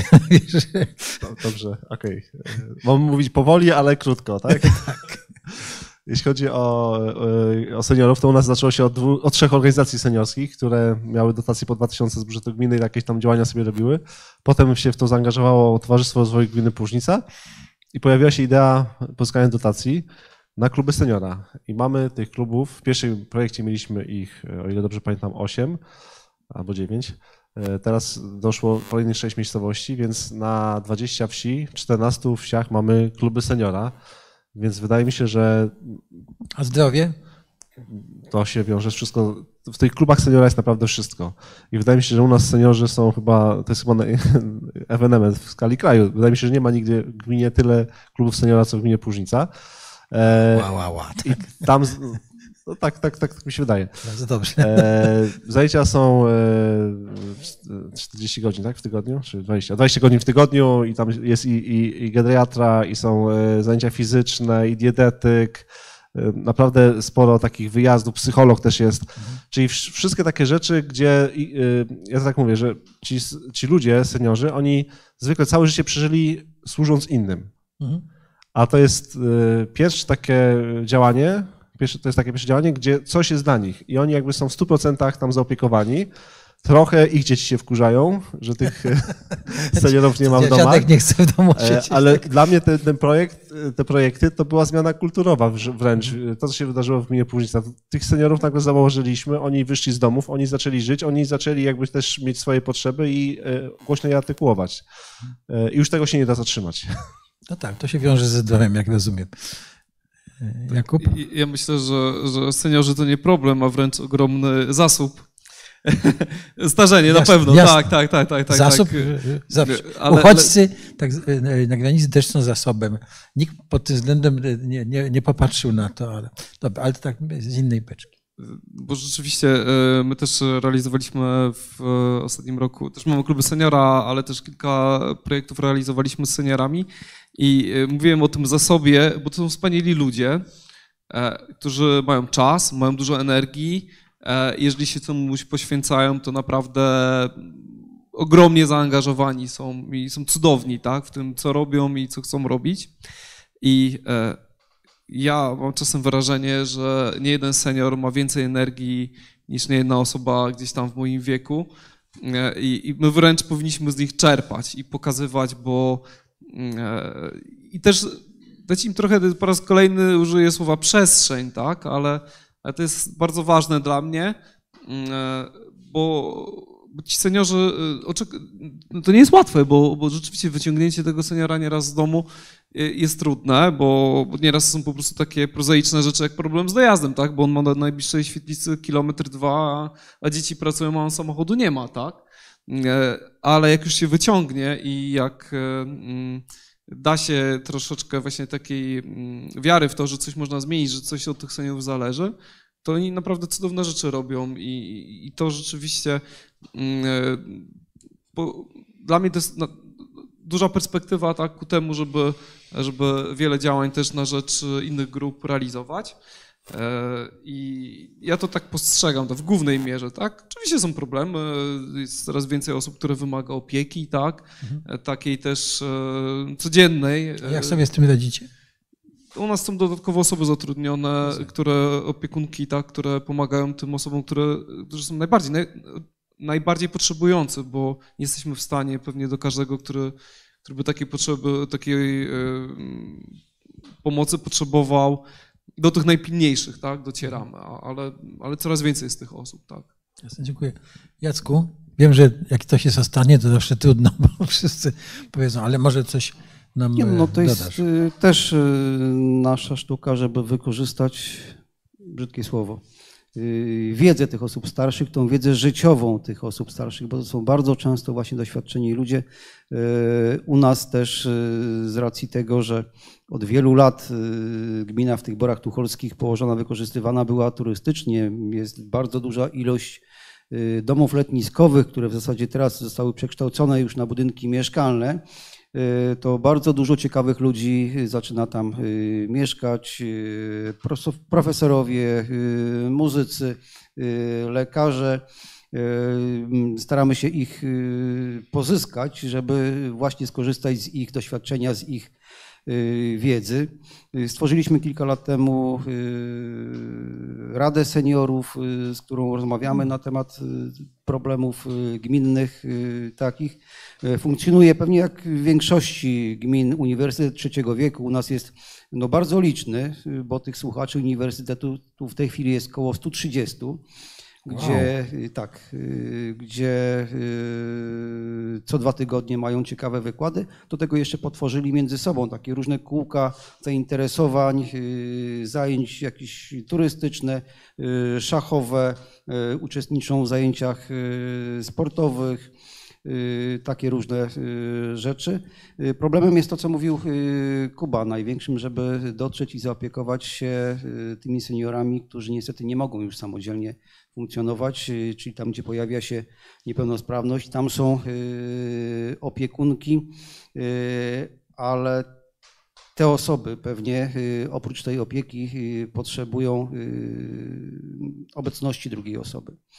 Y, no, szczególnie tam, gdzie zostają samotni, y, Jasne. gdzie może y, rodzina najbliższa, dzieci gdzieś wyjechały, nie ma ich blisko.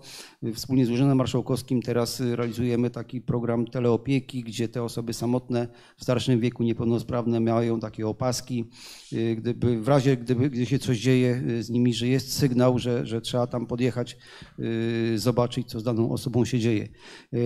Wspólnie z Ośrodkiem Doradztwa Rolniczego też w ostatnich latach realizowane były projekty tak zwanej zielonej opieki. Mhm. To były takie domy jakby dziennego pobytu, gdzie seniorzy byli y, dowożeni, y, tam mieli zajęcia, tam mieli wyżywienie, coś w rodzaju przedszkola dla, star dla starszych osób. To bardzo fajnie funkcjonowało i oni byli bardzo zainteresowani tym. Niestety skończyło się dofinansowanie. Yy, I tutaj, no ja kilkakrotnie już yy, w Ministerstwie Rolnictwa rozmawiałem na ten temat, żeby wymyśleć yy, montaż finansowy do tego typu rzeczy, bo seniorzy są tym zainteresowani. Oni chcą się integrować, chcą przebywać w grupie, chcą być zaopiekowani, chcą wyjść z domu, ale no, niestety trzeba poszukać środków finansowych. Y, typowo w większości gmin wiejskich niestety nas nie stać na to, żeby w całości to finansować. Mhm. Dziękuję bardzo. Czy Państwo chcieliby y, jakiś pomysł nam podrzucić? Bardzo proszę, Pan. Tutaj mikrofon jest potrzebny. Przepraszam, ja będę. Y, Dziękuję bardzo.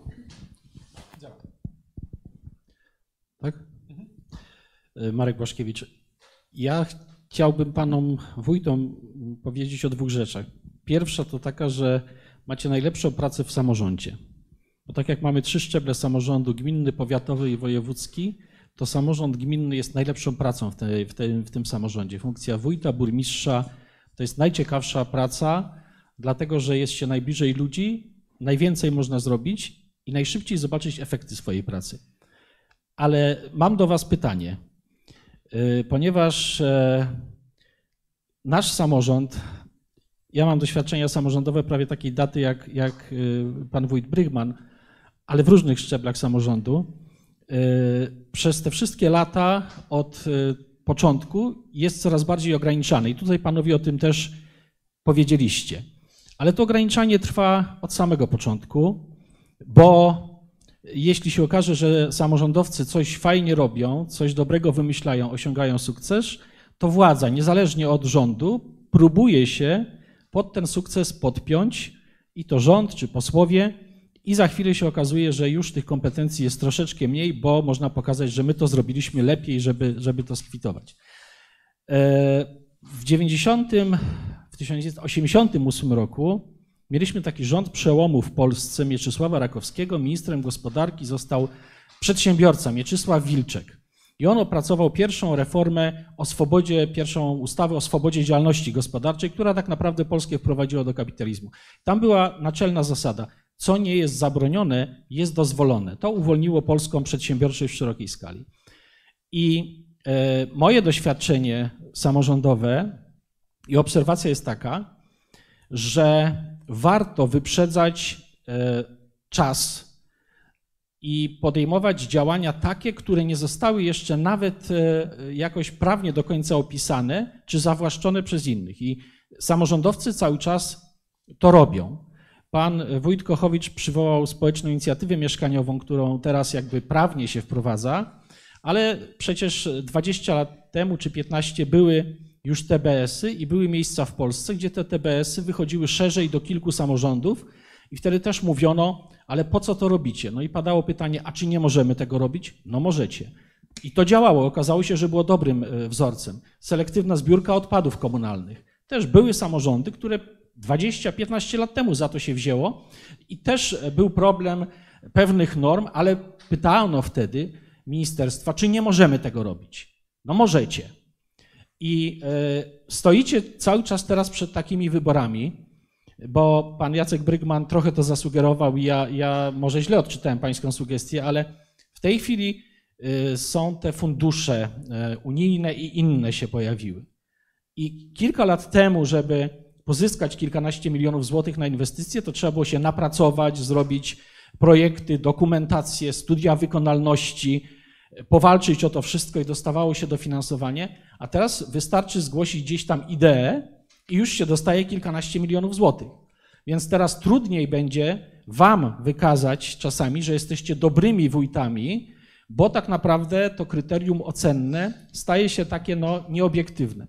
Ale pytanie y, jest takie do Was. Co myślicie o tej właśnie zasadzie, co nie jest zabronione, jest dozwolone? Czy Wy ją stosujecie? Czy widzicie takie obszary, żeby tę zasadę zastosować? Dziękuję. Ja jeszcze... Y, mhm.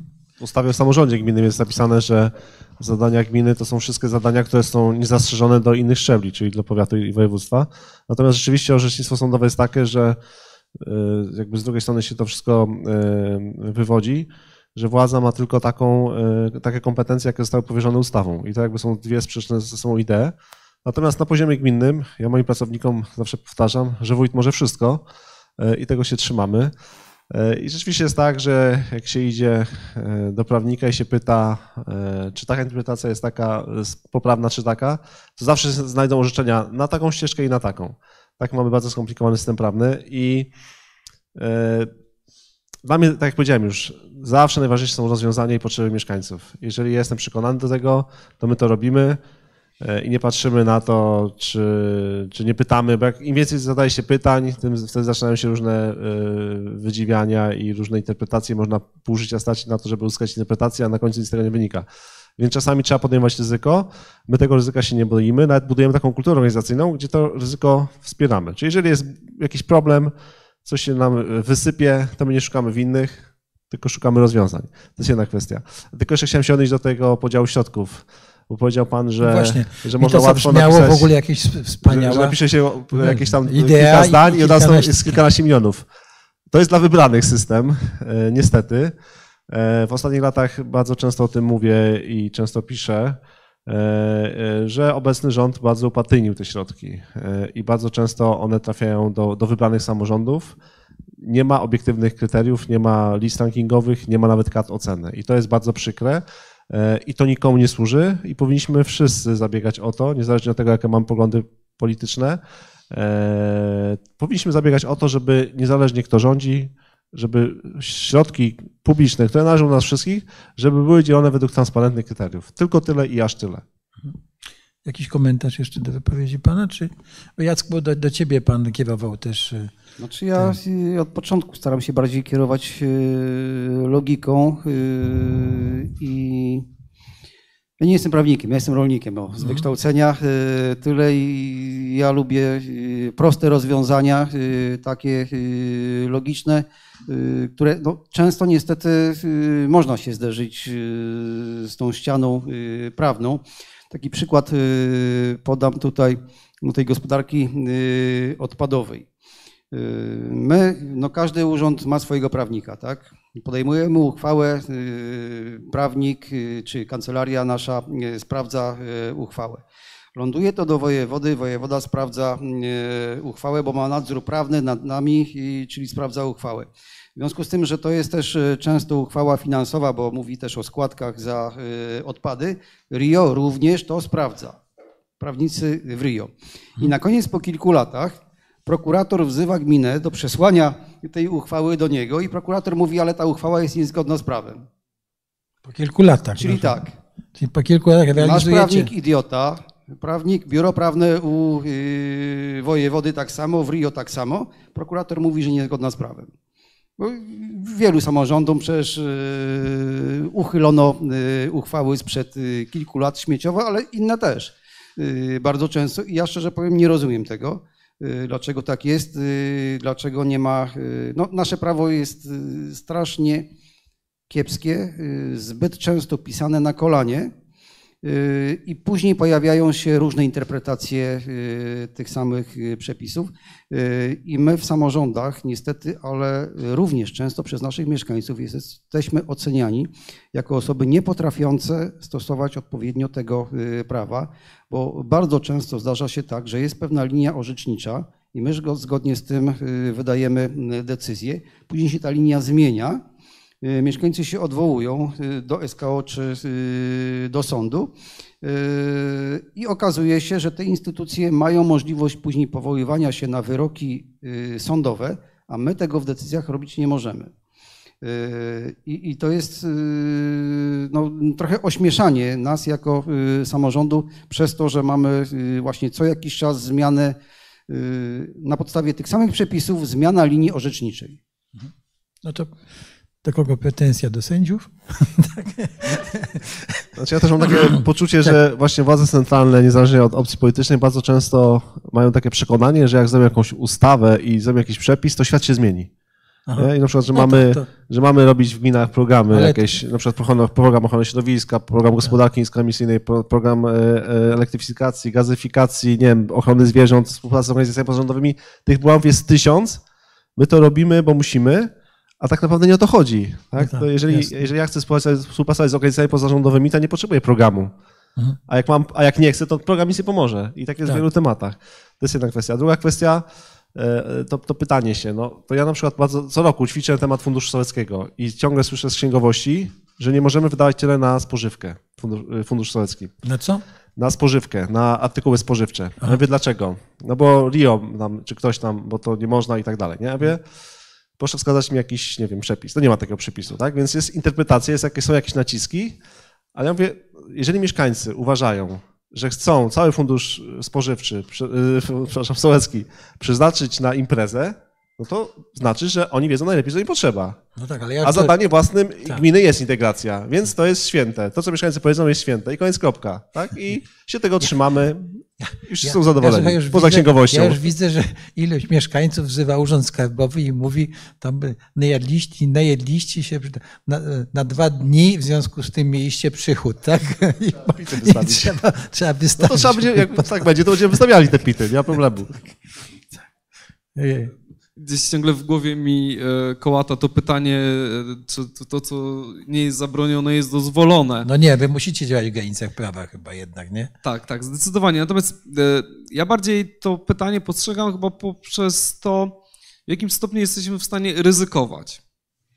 Nie, znaczy, prawem, też... tak, czy, czy działaniami, które nie przynoszą efektu w pierwszym takim namacalnego, tak?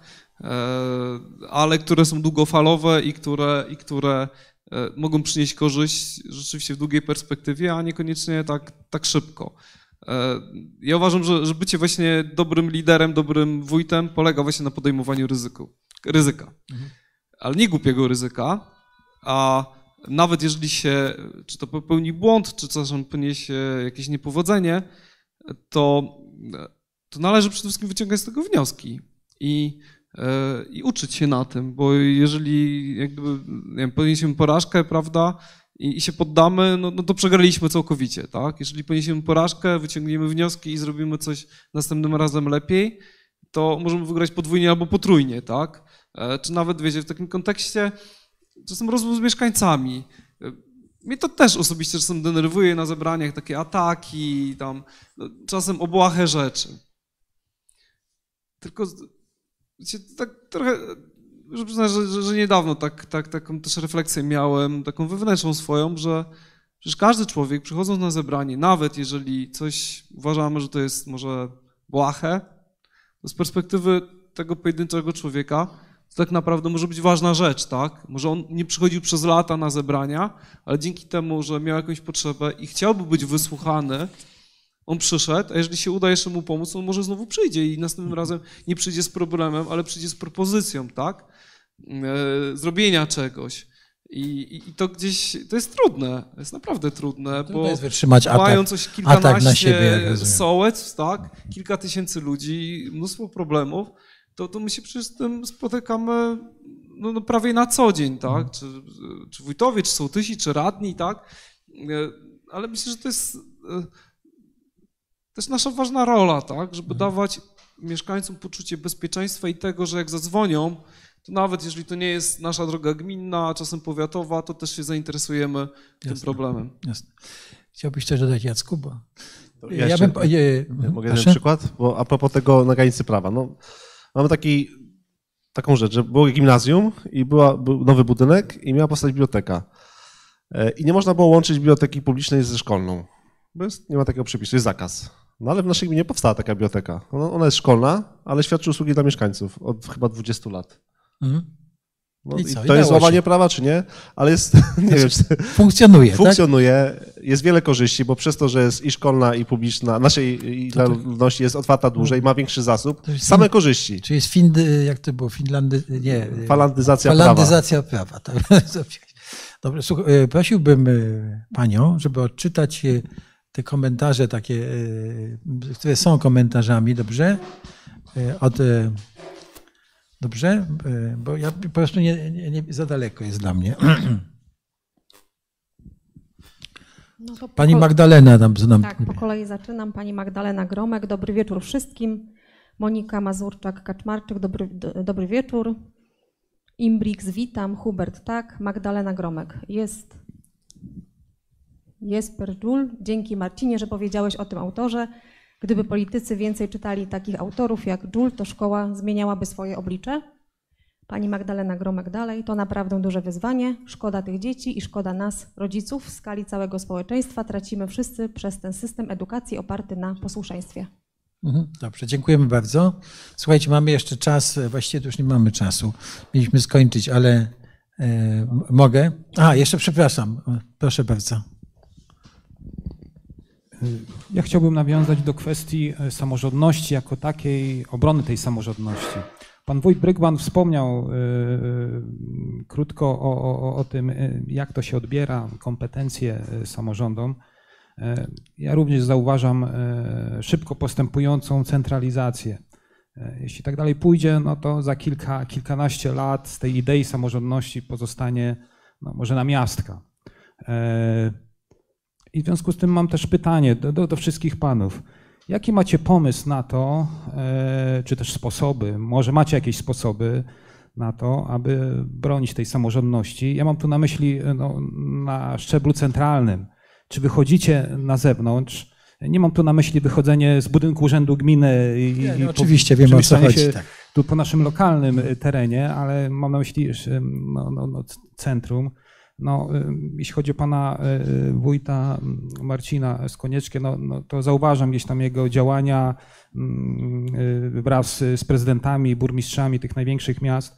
Mm, Może pan Marcin też przy okazji by uchylił rąbka tajemnicy, co na tych spotkaniach jakby jest dyskutowane, czy tam są jakieś pomysły na to, żeby odebrać, e, e, albo inaczej, albo żeby pozostawić tutaj na tym szczeblu lokalnym, to co było też wspominane, możliwość podejmowania decyzji co do tego, co to jest tak naprawdę potrzebne, bo tak jak zostało tu już wspomniane, no to my tu na najniższym szczeblu samorządu wiemy, e, co nam jest potrzebne i, i, i panowie jako wójtowie, radni gminy powinni podejmować tak naprawdę no tutaj decyzje. Wydaje mi się, że takie kluczowe zadanie dla nas samorządowców to jest edukacja mieszkańców, żeby pokazywać, jak to funkcjonuje, dlaczego samorządność jest ważna. I to nie chodzi o to, że my jesteśmy wójtami i cho- chodzi o, nasz, o naszą pracę, tylko Polacy kochają wolność. My jesteśmy z tego zdania, że kochamy wolność. Ja się, właśnie musimy zrozumieć, że samorządność to jest nasza wolność, że to jest to, że my możemy sami podejmować decyzje. Nie ludzie w Warszawie, w Sejmie, gdzieś tam, za nas nie, podejm- nie, nie chcemy, żeby oni podejmowali, tylko my chcemy na dole podejmować. I też dla nas kolejne wyzwanie dla, dla, dla władz gmin i innych szczebli, żeby też dzielić się tą władzą, żeby ta władza e, i te kompetencje szły jak najdalej. Tak? Właśnie po to jest Fundusz Sołecki, po to są różne rozwiązania, żeby mieszkańcy mieli poczucie, że ta samorządność to, to są ich decyzje, że oni mają wpływ na to, co się dzieje. Jak przekonamy tych wszystkich ludzi, no to oni będą też chcieli tego od polityków i politycy będą e, w tym kierunku szli, bo będą zaspokajali potrzeby. E, I to jest właśnie też, jakby wracamy do początku naszej debaty, E, żeby ludzie poczuli, że oni mają sprawczość, że to od nich zależy, a nie od dobrego wujka, który przyjedzie i za nich rozwiąże problem. Że to my mamy sami rozwiązać problemy, a nie czekać, aż ktoś przyjedzie i, i to zrobi za nas. Jeśli chodzi o samorządy, to tutaj Jacek Brygman jest e, przedstawicielem naszym, e, bo jest w zarządzie Związku Gmin Wiejskich, e, więc w tych spotkaniach uczestniczy i wiele czasu na to poświęca. Natomiast to, co ja widzę z boku, to wydaje mi się, że takim problemem w skali kraju jest to, że mamy za dużo tych związków, że jest za duże rozdrobnienie i tych korporacji jest tyle, że, że one też nie mówią jednym głosem. Ale to może, może to Jacek powiesz więcej o tym. Znaczy, jeżeli chodzi o obronę samorządności, to tutaj jest zgoda pełna pomiędzy poszczególnymi korporacjami samorządowymi. Bardziej jeżeli chodzi o jakieś rozwiązania szczegółowe, y, szczególnie to najprościej y, w dziedzinie finansów, gdzie, gdzie trochę się ścieramy tam z miastami na rzecz obszarów wiejskich, ale bardzo często jednak dochodzimy do porozumienia. Y, no, to, co moglibyśmy zrobić, y, to na pewno to, żeby właśnie samorządy się y, jednoczyły w te korporacje samorządowe, bo w jedności zawsze większa siła będzie. No nie, nie przebije się pojedyncza gmina, Lisewo, Płużnica czy Cekcyn, ale przebije się w naszym przypadku Związek Gmin Wiejskich. My akurat jako gminy należymy do Związku Gmin Wiejskich E, ale z przykrością niestety muszę powiedzieć, że tylko nieco ponad 1 trzecia gmin wiejskich do tego związku należy, a to jest największy związek w ogóle samorządowy w Polsce. 630 e, gmin należy. W różnych województwach to różnie wygląda. U nas jest, z tego co pamiętam, ponad 40% w Kujawsko-Pomorskim gmin należy. No i to jest siła, gdzie my dzięki temu, że, że reprezentujemy taką ilość gmin, staramy się przebijać. No, raz w miesiącu spotykamy się na Komisji Wspólnej Rządu i Samorządu Terytorialnego. Szczerze powiem, że ja bardzo często po tych spotkaniach w Warszawie, czy teraz po zdalnych spotkaniach, trochę mam takiego kaca samorządowego bo zajmujemy się tam w 80-90% rzeczami kompletnie nieistotnymi dla nas, dla y, samorządów, a te rzeczy, które, o które wnioskujemy tam, o które zabiegamy, bardzo często są y, marginalizowane. I to, że powiedziałem, że tym zagrożeniem dla nas i wyzwaniem dużym jest obrona samorządności, to to jest to, co ja akurat, to jest moje zdanie, co, co obserwuję. No raz, że w zakresie ustawowym te kompetencje nam się odbiera, ale dwa, odbiera nam się naszą samodzielność finansową. Szczególnie w ostatnim czasie teraz, no chociażby w ramach programu Polski Ład, gdzie bardzo duże środki finansowe z dochodów własnych nam się odbiera, w to miejsce wrzuca się subwencje i dotacje, i trzeba tutaj powiedzieć dotacje, których do tej pory jeszcze nigdy nie było. Ale nie o to chodzi w samorządzie. My wolelibyśmy, żeby y, mieć większe y, dochody własne, tak żebyśmy, no, zgodnie z samą nazwą, samorząd, tak, sami się rządzili. Dotacja, radni sołtysi y, wiedzą tutaj, pieniądze przeznaczone na dany cel i tylko na ten cel mogą być wykorzystane. I w tej chwili to uzależnienie od dotacji rządowych, rozdawanych bez kryteriów, środków publicznych, to jest ogromne y, zagrożenie i niestety, ale część naszych koleżanek, kolegów, wójtów, burmistrzów, prezydentów y, coraz bardziej zaczyna się bać wyrażania swojego zdania. Ja nawet na jednym ze spotkań y, w Toruniu ostatnio od kolegi wójta E, usłyszałem takie, takie zdanie i aż oczy otworzyłem. Swoje zdanie to ja mogę powiedzieć u siebie w domu i to jeszcze po cichu, ale nie absolutnie publicznie, bo się e, narażę. I mówię, no to słuchaj, z całym szacunkiem, ale dla ciebie w takim razie demokracja się skończyła. Jeżeli tak do tego podchodzisz, to, to, to nie mamy już e, demokracji I, i to powinniśmy edukować, o tym powinniśmy mówić, tym bardziej, że są to są rozdawane pieniądze publiczne.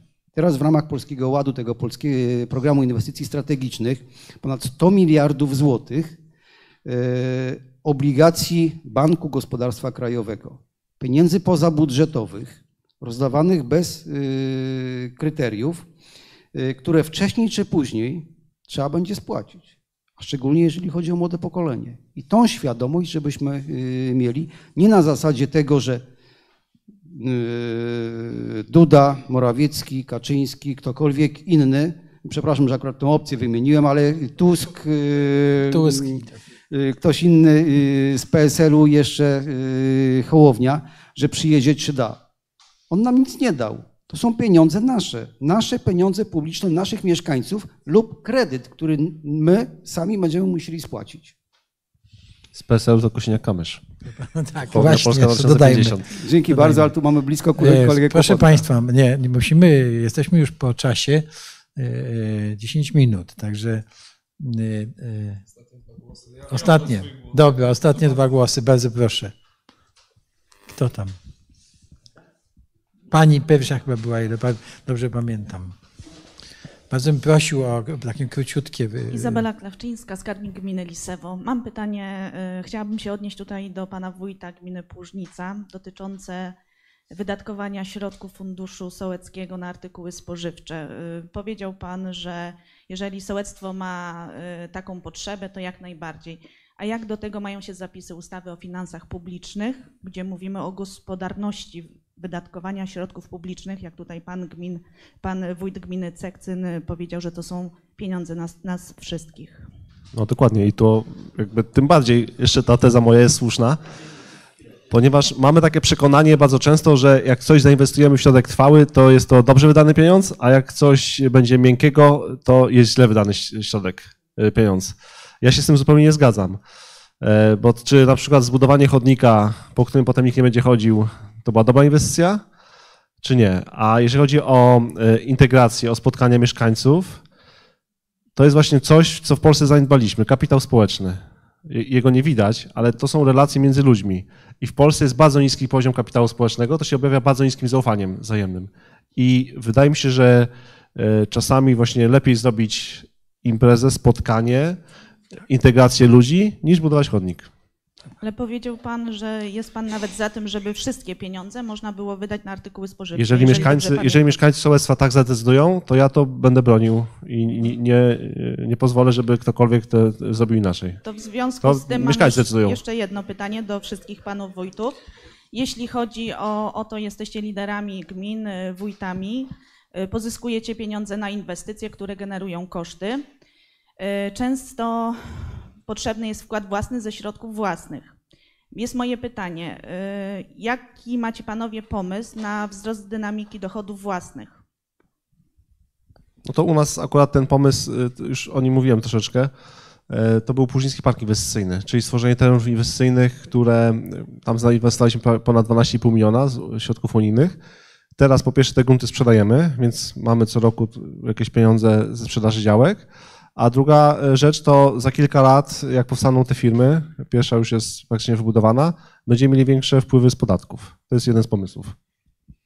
Ktoś jeszcze chciałby dodać? Y, No, w moim przypadku na pewno teraz, w ostatnim czasie, y, to o czym mówiłem już, y, to zabieganie jednak o przyrost ilości mieszkańców, stwarzanie warunków do tego, żeby ci mieszkańcy y, chcieli się osiedlić. I to pewnie, no nie ukrywam, pewnie głównie pod kątem mm, udziału w podatku od osób fizycznych, bo no to jest dla nas największa pula środków, jeżeli chodzi o te mm, y, podatki. Y, Tak troszkę y, powiem jeszcze, że od początku my jako gmina Cekcyn akurat, y, jeżeli pojawiały się jakiekolwiek fundusze zewnętrzne, nigdy nie baliśmy się zadłużenia. Y, I powiem tak, to będę powtarzał też y, kolegom samorządowcom, będę y, mówił, że jeżeli jest możliwość pomnożenia w czasie później y, spłaty, dlatego że jeżeli coś realiz- realizujemy szybciej, to zawsze będzie to taniej, szybciej będą mogli to lu- ludzie z tego y, skorzystać. Y, Jest część y, gmin, która niestety boi się tego i woli oszczędzać, oszczędzać, oszczędzać. Dopiero później jak nazbiera, to realizuje dane y, zadanie. To na wielu przykładach można podać, yy, powiedzieć, że, że no nie jest to gospodarne podejście do yy, środków publicznych. Zwłaszcza jak jest inflacja. Jasne. Tak, zdecydowanie. No, gminy tu nie mają, e, nie, będą, nie będziemy otwierać prawda, żadnych firm i zakładów i zarabiać na tym, bo to nie jest nasz cel, ale przede wszystkim no, ja tu potwierdzę, Znaczy że... tworzyć możliwości, tak? Tak, trzeba tworzyć możliwości dla rozwoju przedsiębiorczości, żeby, żeby przede wszystkim przedsiębiorstwa powstawały, żeby ludzie tu zostawały, zostawiali i żeby tu się sprowadzali, bo, bo to wpływa na budżet, tak? E, No można też podnosić podatki, no ale to nie jest e, e, metoda jedyna albo, albo taka najlepsza, tak? Proszę Państwa, jeszcze była dwa ostatnie. Tak, słucham? Jeszcze Pan tam. no. Dzień, dzień dobry, Proszę. Tomek Marzyński. Mam takie pytanie do panów wójtów. Wiadomo, że w naszym kraju od pewnego czasu e, funkcjonuje ustawa kadencyjno, kadencyjności wójtów, burmistrzów, prezydentów miast. Jak się panowie zapatrujecie na tę kadencyjność? Czy e, no, jesteście jeszcze młodymi ludźmi i załóżmy, wyobraźcie sobie, że mamy rok do wyborów, macie jakieś fajne pomysły, 70% poparcia w społeczeństwie i co sobie myślicie, kurde, szkoda zostawić tego urzędu, czy a dobra, fajnie, mam już tego dość, zostawię to chętnie. Jak się zapatrujecie na tę kadencyjność? No, nasza odpowiedź nie będzie obiektywna na pewno, bo my pełnimy te funkcje i to o, nas y, chodzi, y, ale y, to jest moje zdanie. Ja powiem, jest to strata dla samorządów, jest to strata dla mieszkańców. Y, Dlatego, że y, przy tej kadencyjności y, po pierwsze bardzo mocno zostaną osłabione te korporacje samorządowe, które skupiają samorządy, bo mało kogo z pierwszokadencyjnych wójtów, burmistrzów, prezydentów będzie stać na to, żeby jeszcze angażował się w jakieś sprawy takie ogólnopolskie w ogóle samorządów. To po pierwsze. Po drugie, ja upatruję tu duże zagrożenie, szczególnie w drugiej kadencji, ochoty do tego, żeby się przypo- przypodobać mieszkańcom y, i trochę puszczenia y, finansów na, na wolną rękę y, te, tego zagrożenia takiego, co do tego zadłużenia bym się obawiał. No i, trzecie, ja znam z Polski bardzo wiele przykładów kolegów, wójtów, burmistrzów, którzy pracowali od 90 roku, czyli od początku, u których byłem i widząc y, te gminy, słysząc ich, co oni realizowali, y, to właśnie widzę tą wizję rozwoju. Takim przykładem jest dla przykład, na, na, naj- najlepszy przykład to chyba gmina Morawica, e, gmina pod Kielcami tam, ale jak słyszę burmistrza Burasa, to, to naprawdę widzę tą jego wizję rozwoju. Te jego pierwsze lata pracy tam, e, pozyskiwania gruntów, cokolwiek się pojawiało, tam to on wszystko to pozyskiwał i dzięki temu teraz odcina kupony, y, gdzie gmina się świetnie y, rozwija. Zresztą w ostatnim rankingu Rzeczpospolitej pierwsze miejsce wśród y, gmin y, miejskich y, właśnie za, za, za tą gospodarność. No to po raz kolejny jest odebrana wolność wyboru mieszkańców, no bo to teraz mieszkańcy nie będą mogli wybrać tego, kogo chcą, bo ustawa ogranicza. Tak, że ten, co był w tej kadencji, już nie, może, już nie możecie go wybrać, bo my, bo my uważamy, że nie. Posłowie tak. Chciał, Jakubie, chciałbyś jeszcze coś dodać? Tak, tak. E, Ja zdecydowanie uważam, że ludzie powinni wybierać, jeżeli, nawet jeżeli źle wybiorą, to jest ich decyzja, ich suwerenna decyzja, a 10 lat to jest zdecydowanie za mało, żeby móc zrealizować większość planów.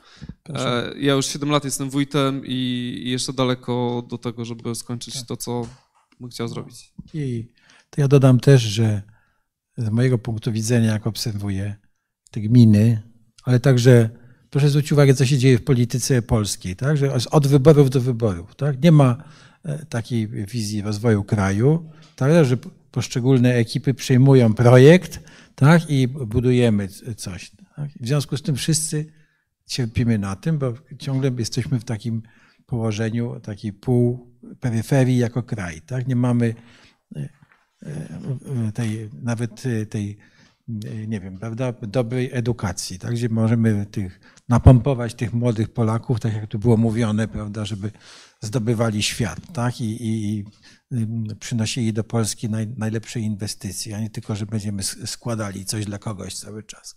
Więc ta kadencyjność jest e, z mojego punktu widzenia niezbyt dobrym e, po- pomysłem.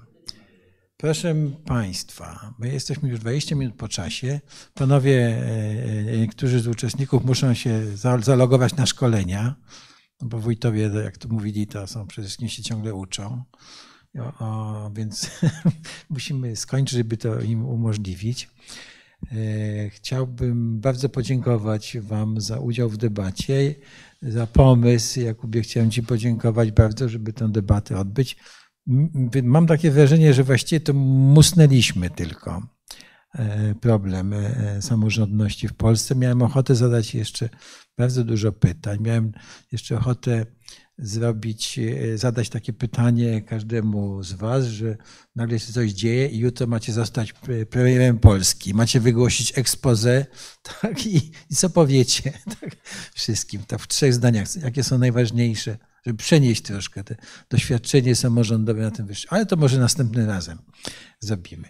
Przygotujemy na to pytanie. No jasne. A co, a co? A co? Przecież, może, przecież może wszystko może się zdarzyć. Zresztą może ktoś z tego skorzysta w końcu. Także bardzo dziękuję Państwu też e, za to, że Państwo spędzili z nami tyle czasu.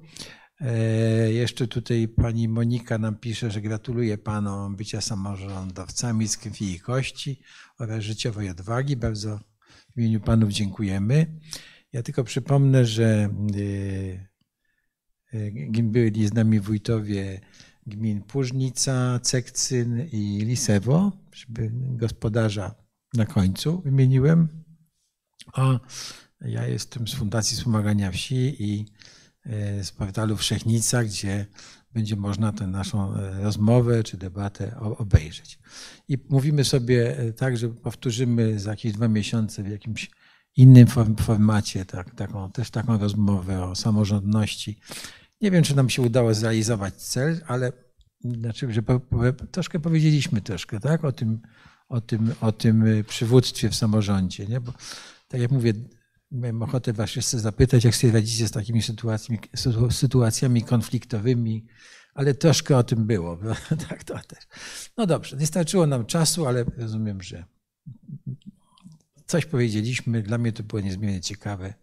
Także Mam nadzieję, że trochę wzmogliśmy apetyt też Tak, wielu i tak. to jest dopiero początek e, nowej przygody i, i że też e, ci z Państwa, którzy słuchali nas dzisiaj albo wysłuchają, też gdzieś z naszego doświadczenia może jakiegoś e, też skorzystacie To- i, to jest i nie będziecie bali się zmian, nie będziecie, będziecie odważnie kroczyć i, i też ufać ludziom w to, że Tak, dla mnie najważniejsze to było to, co było powiedziane właśnie, że musimy ludziom uświadamiać, co to jest sam, samorządność. Tak? E, To jest najistotniejsze. YouTuberzy też zawsze na końcu mówią, żeby subskrybować kanał.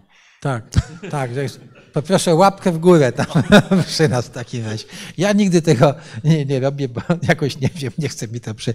Ale ja jestem... Ja dziękuję bardzo za pomysł, ale też y, chciałbym powiedzieć, że Piotr Szczepański, prezes Fundacji Wspomagania y, Tak, ale to się- fundacji, którą chyba wszystkie gminy w Polsce znają, która y, wielu gminom w różnych y, sprawach pomagała. Ja jak zacząłem w 99 roku, trochę nachalnie, zawsze jak byłem w Warszawie wchodziłem do fundacji, bo wiedziałem, że tam zawsze coś ciekawego się dowiem. Także dziękuję bardzo. Nie, tak, Piotr, bardzo dziękuję, ale y, tutaj mm, ja jestem w roli tak, niższej. Poza tym, poza tym y, to jest tak, że y, gdyby nie, nie samorządy, gdyby nie, to po prostu mm, fundacja byłaby bezradna, bo nawet najlepsza instytucja, taka bez pa- partnerów lokalnych, tak jak wy przecież macie mieszkańców, jak macie te organizacje pozarządowe, no to też byście byli bezradni, tak? No to może byśmy, byśmy mogli sobie tam, nie wiem, wołać, zróbmy coś, a zróbmy coś. Tak. Także wsz- wszystkim bardzo Państwu dziękuję. E, To miłego wieczoru i do zobaczenia następnym razem. Do widzenia. dziękuję za uwagę. Do widzenia.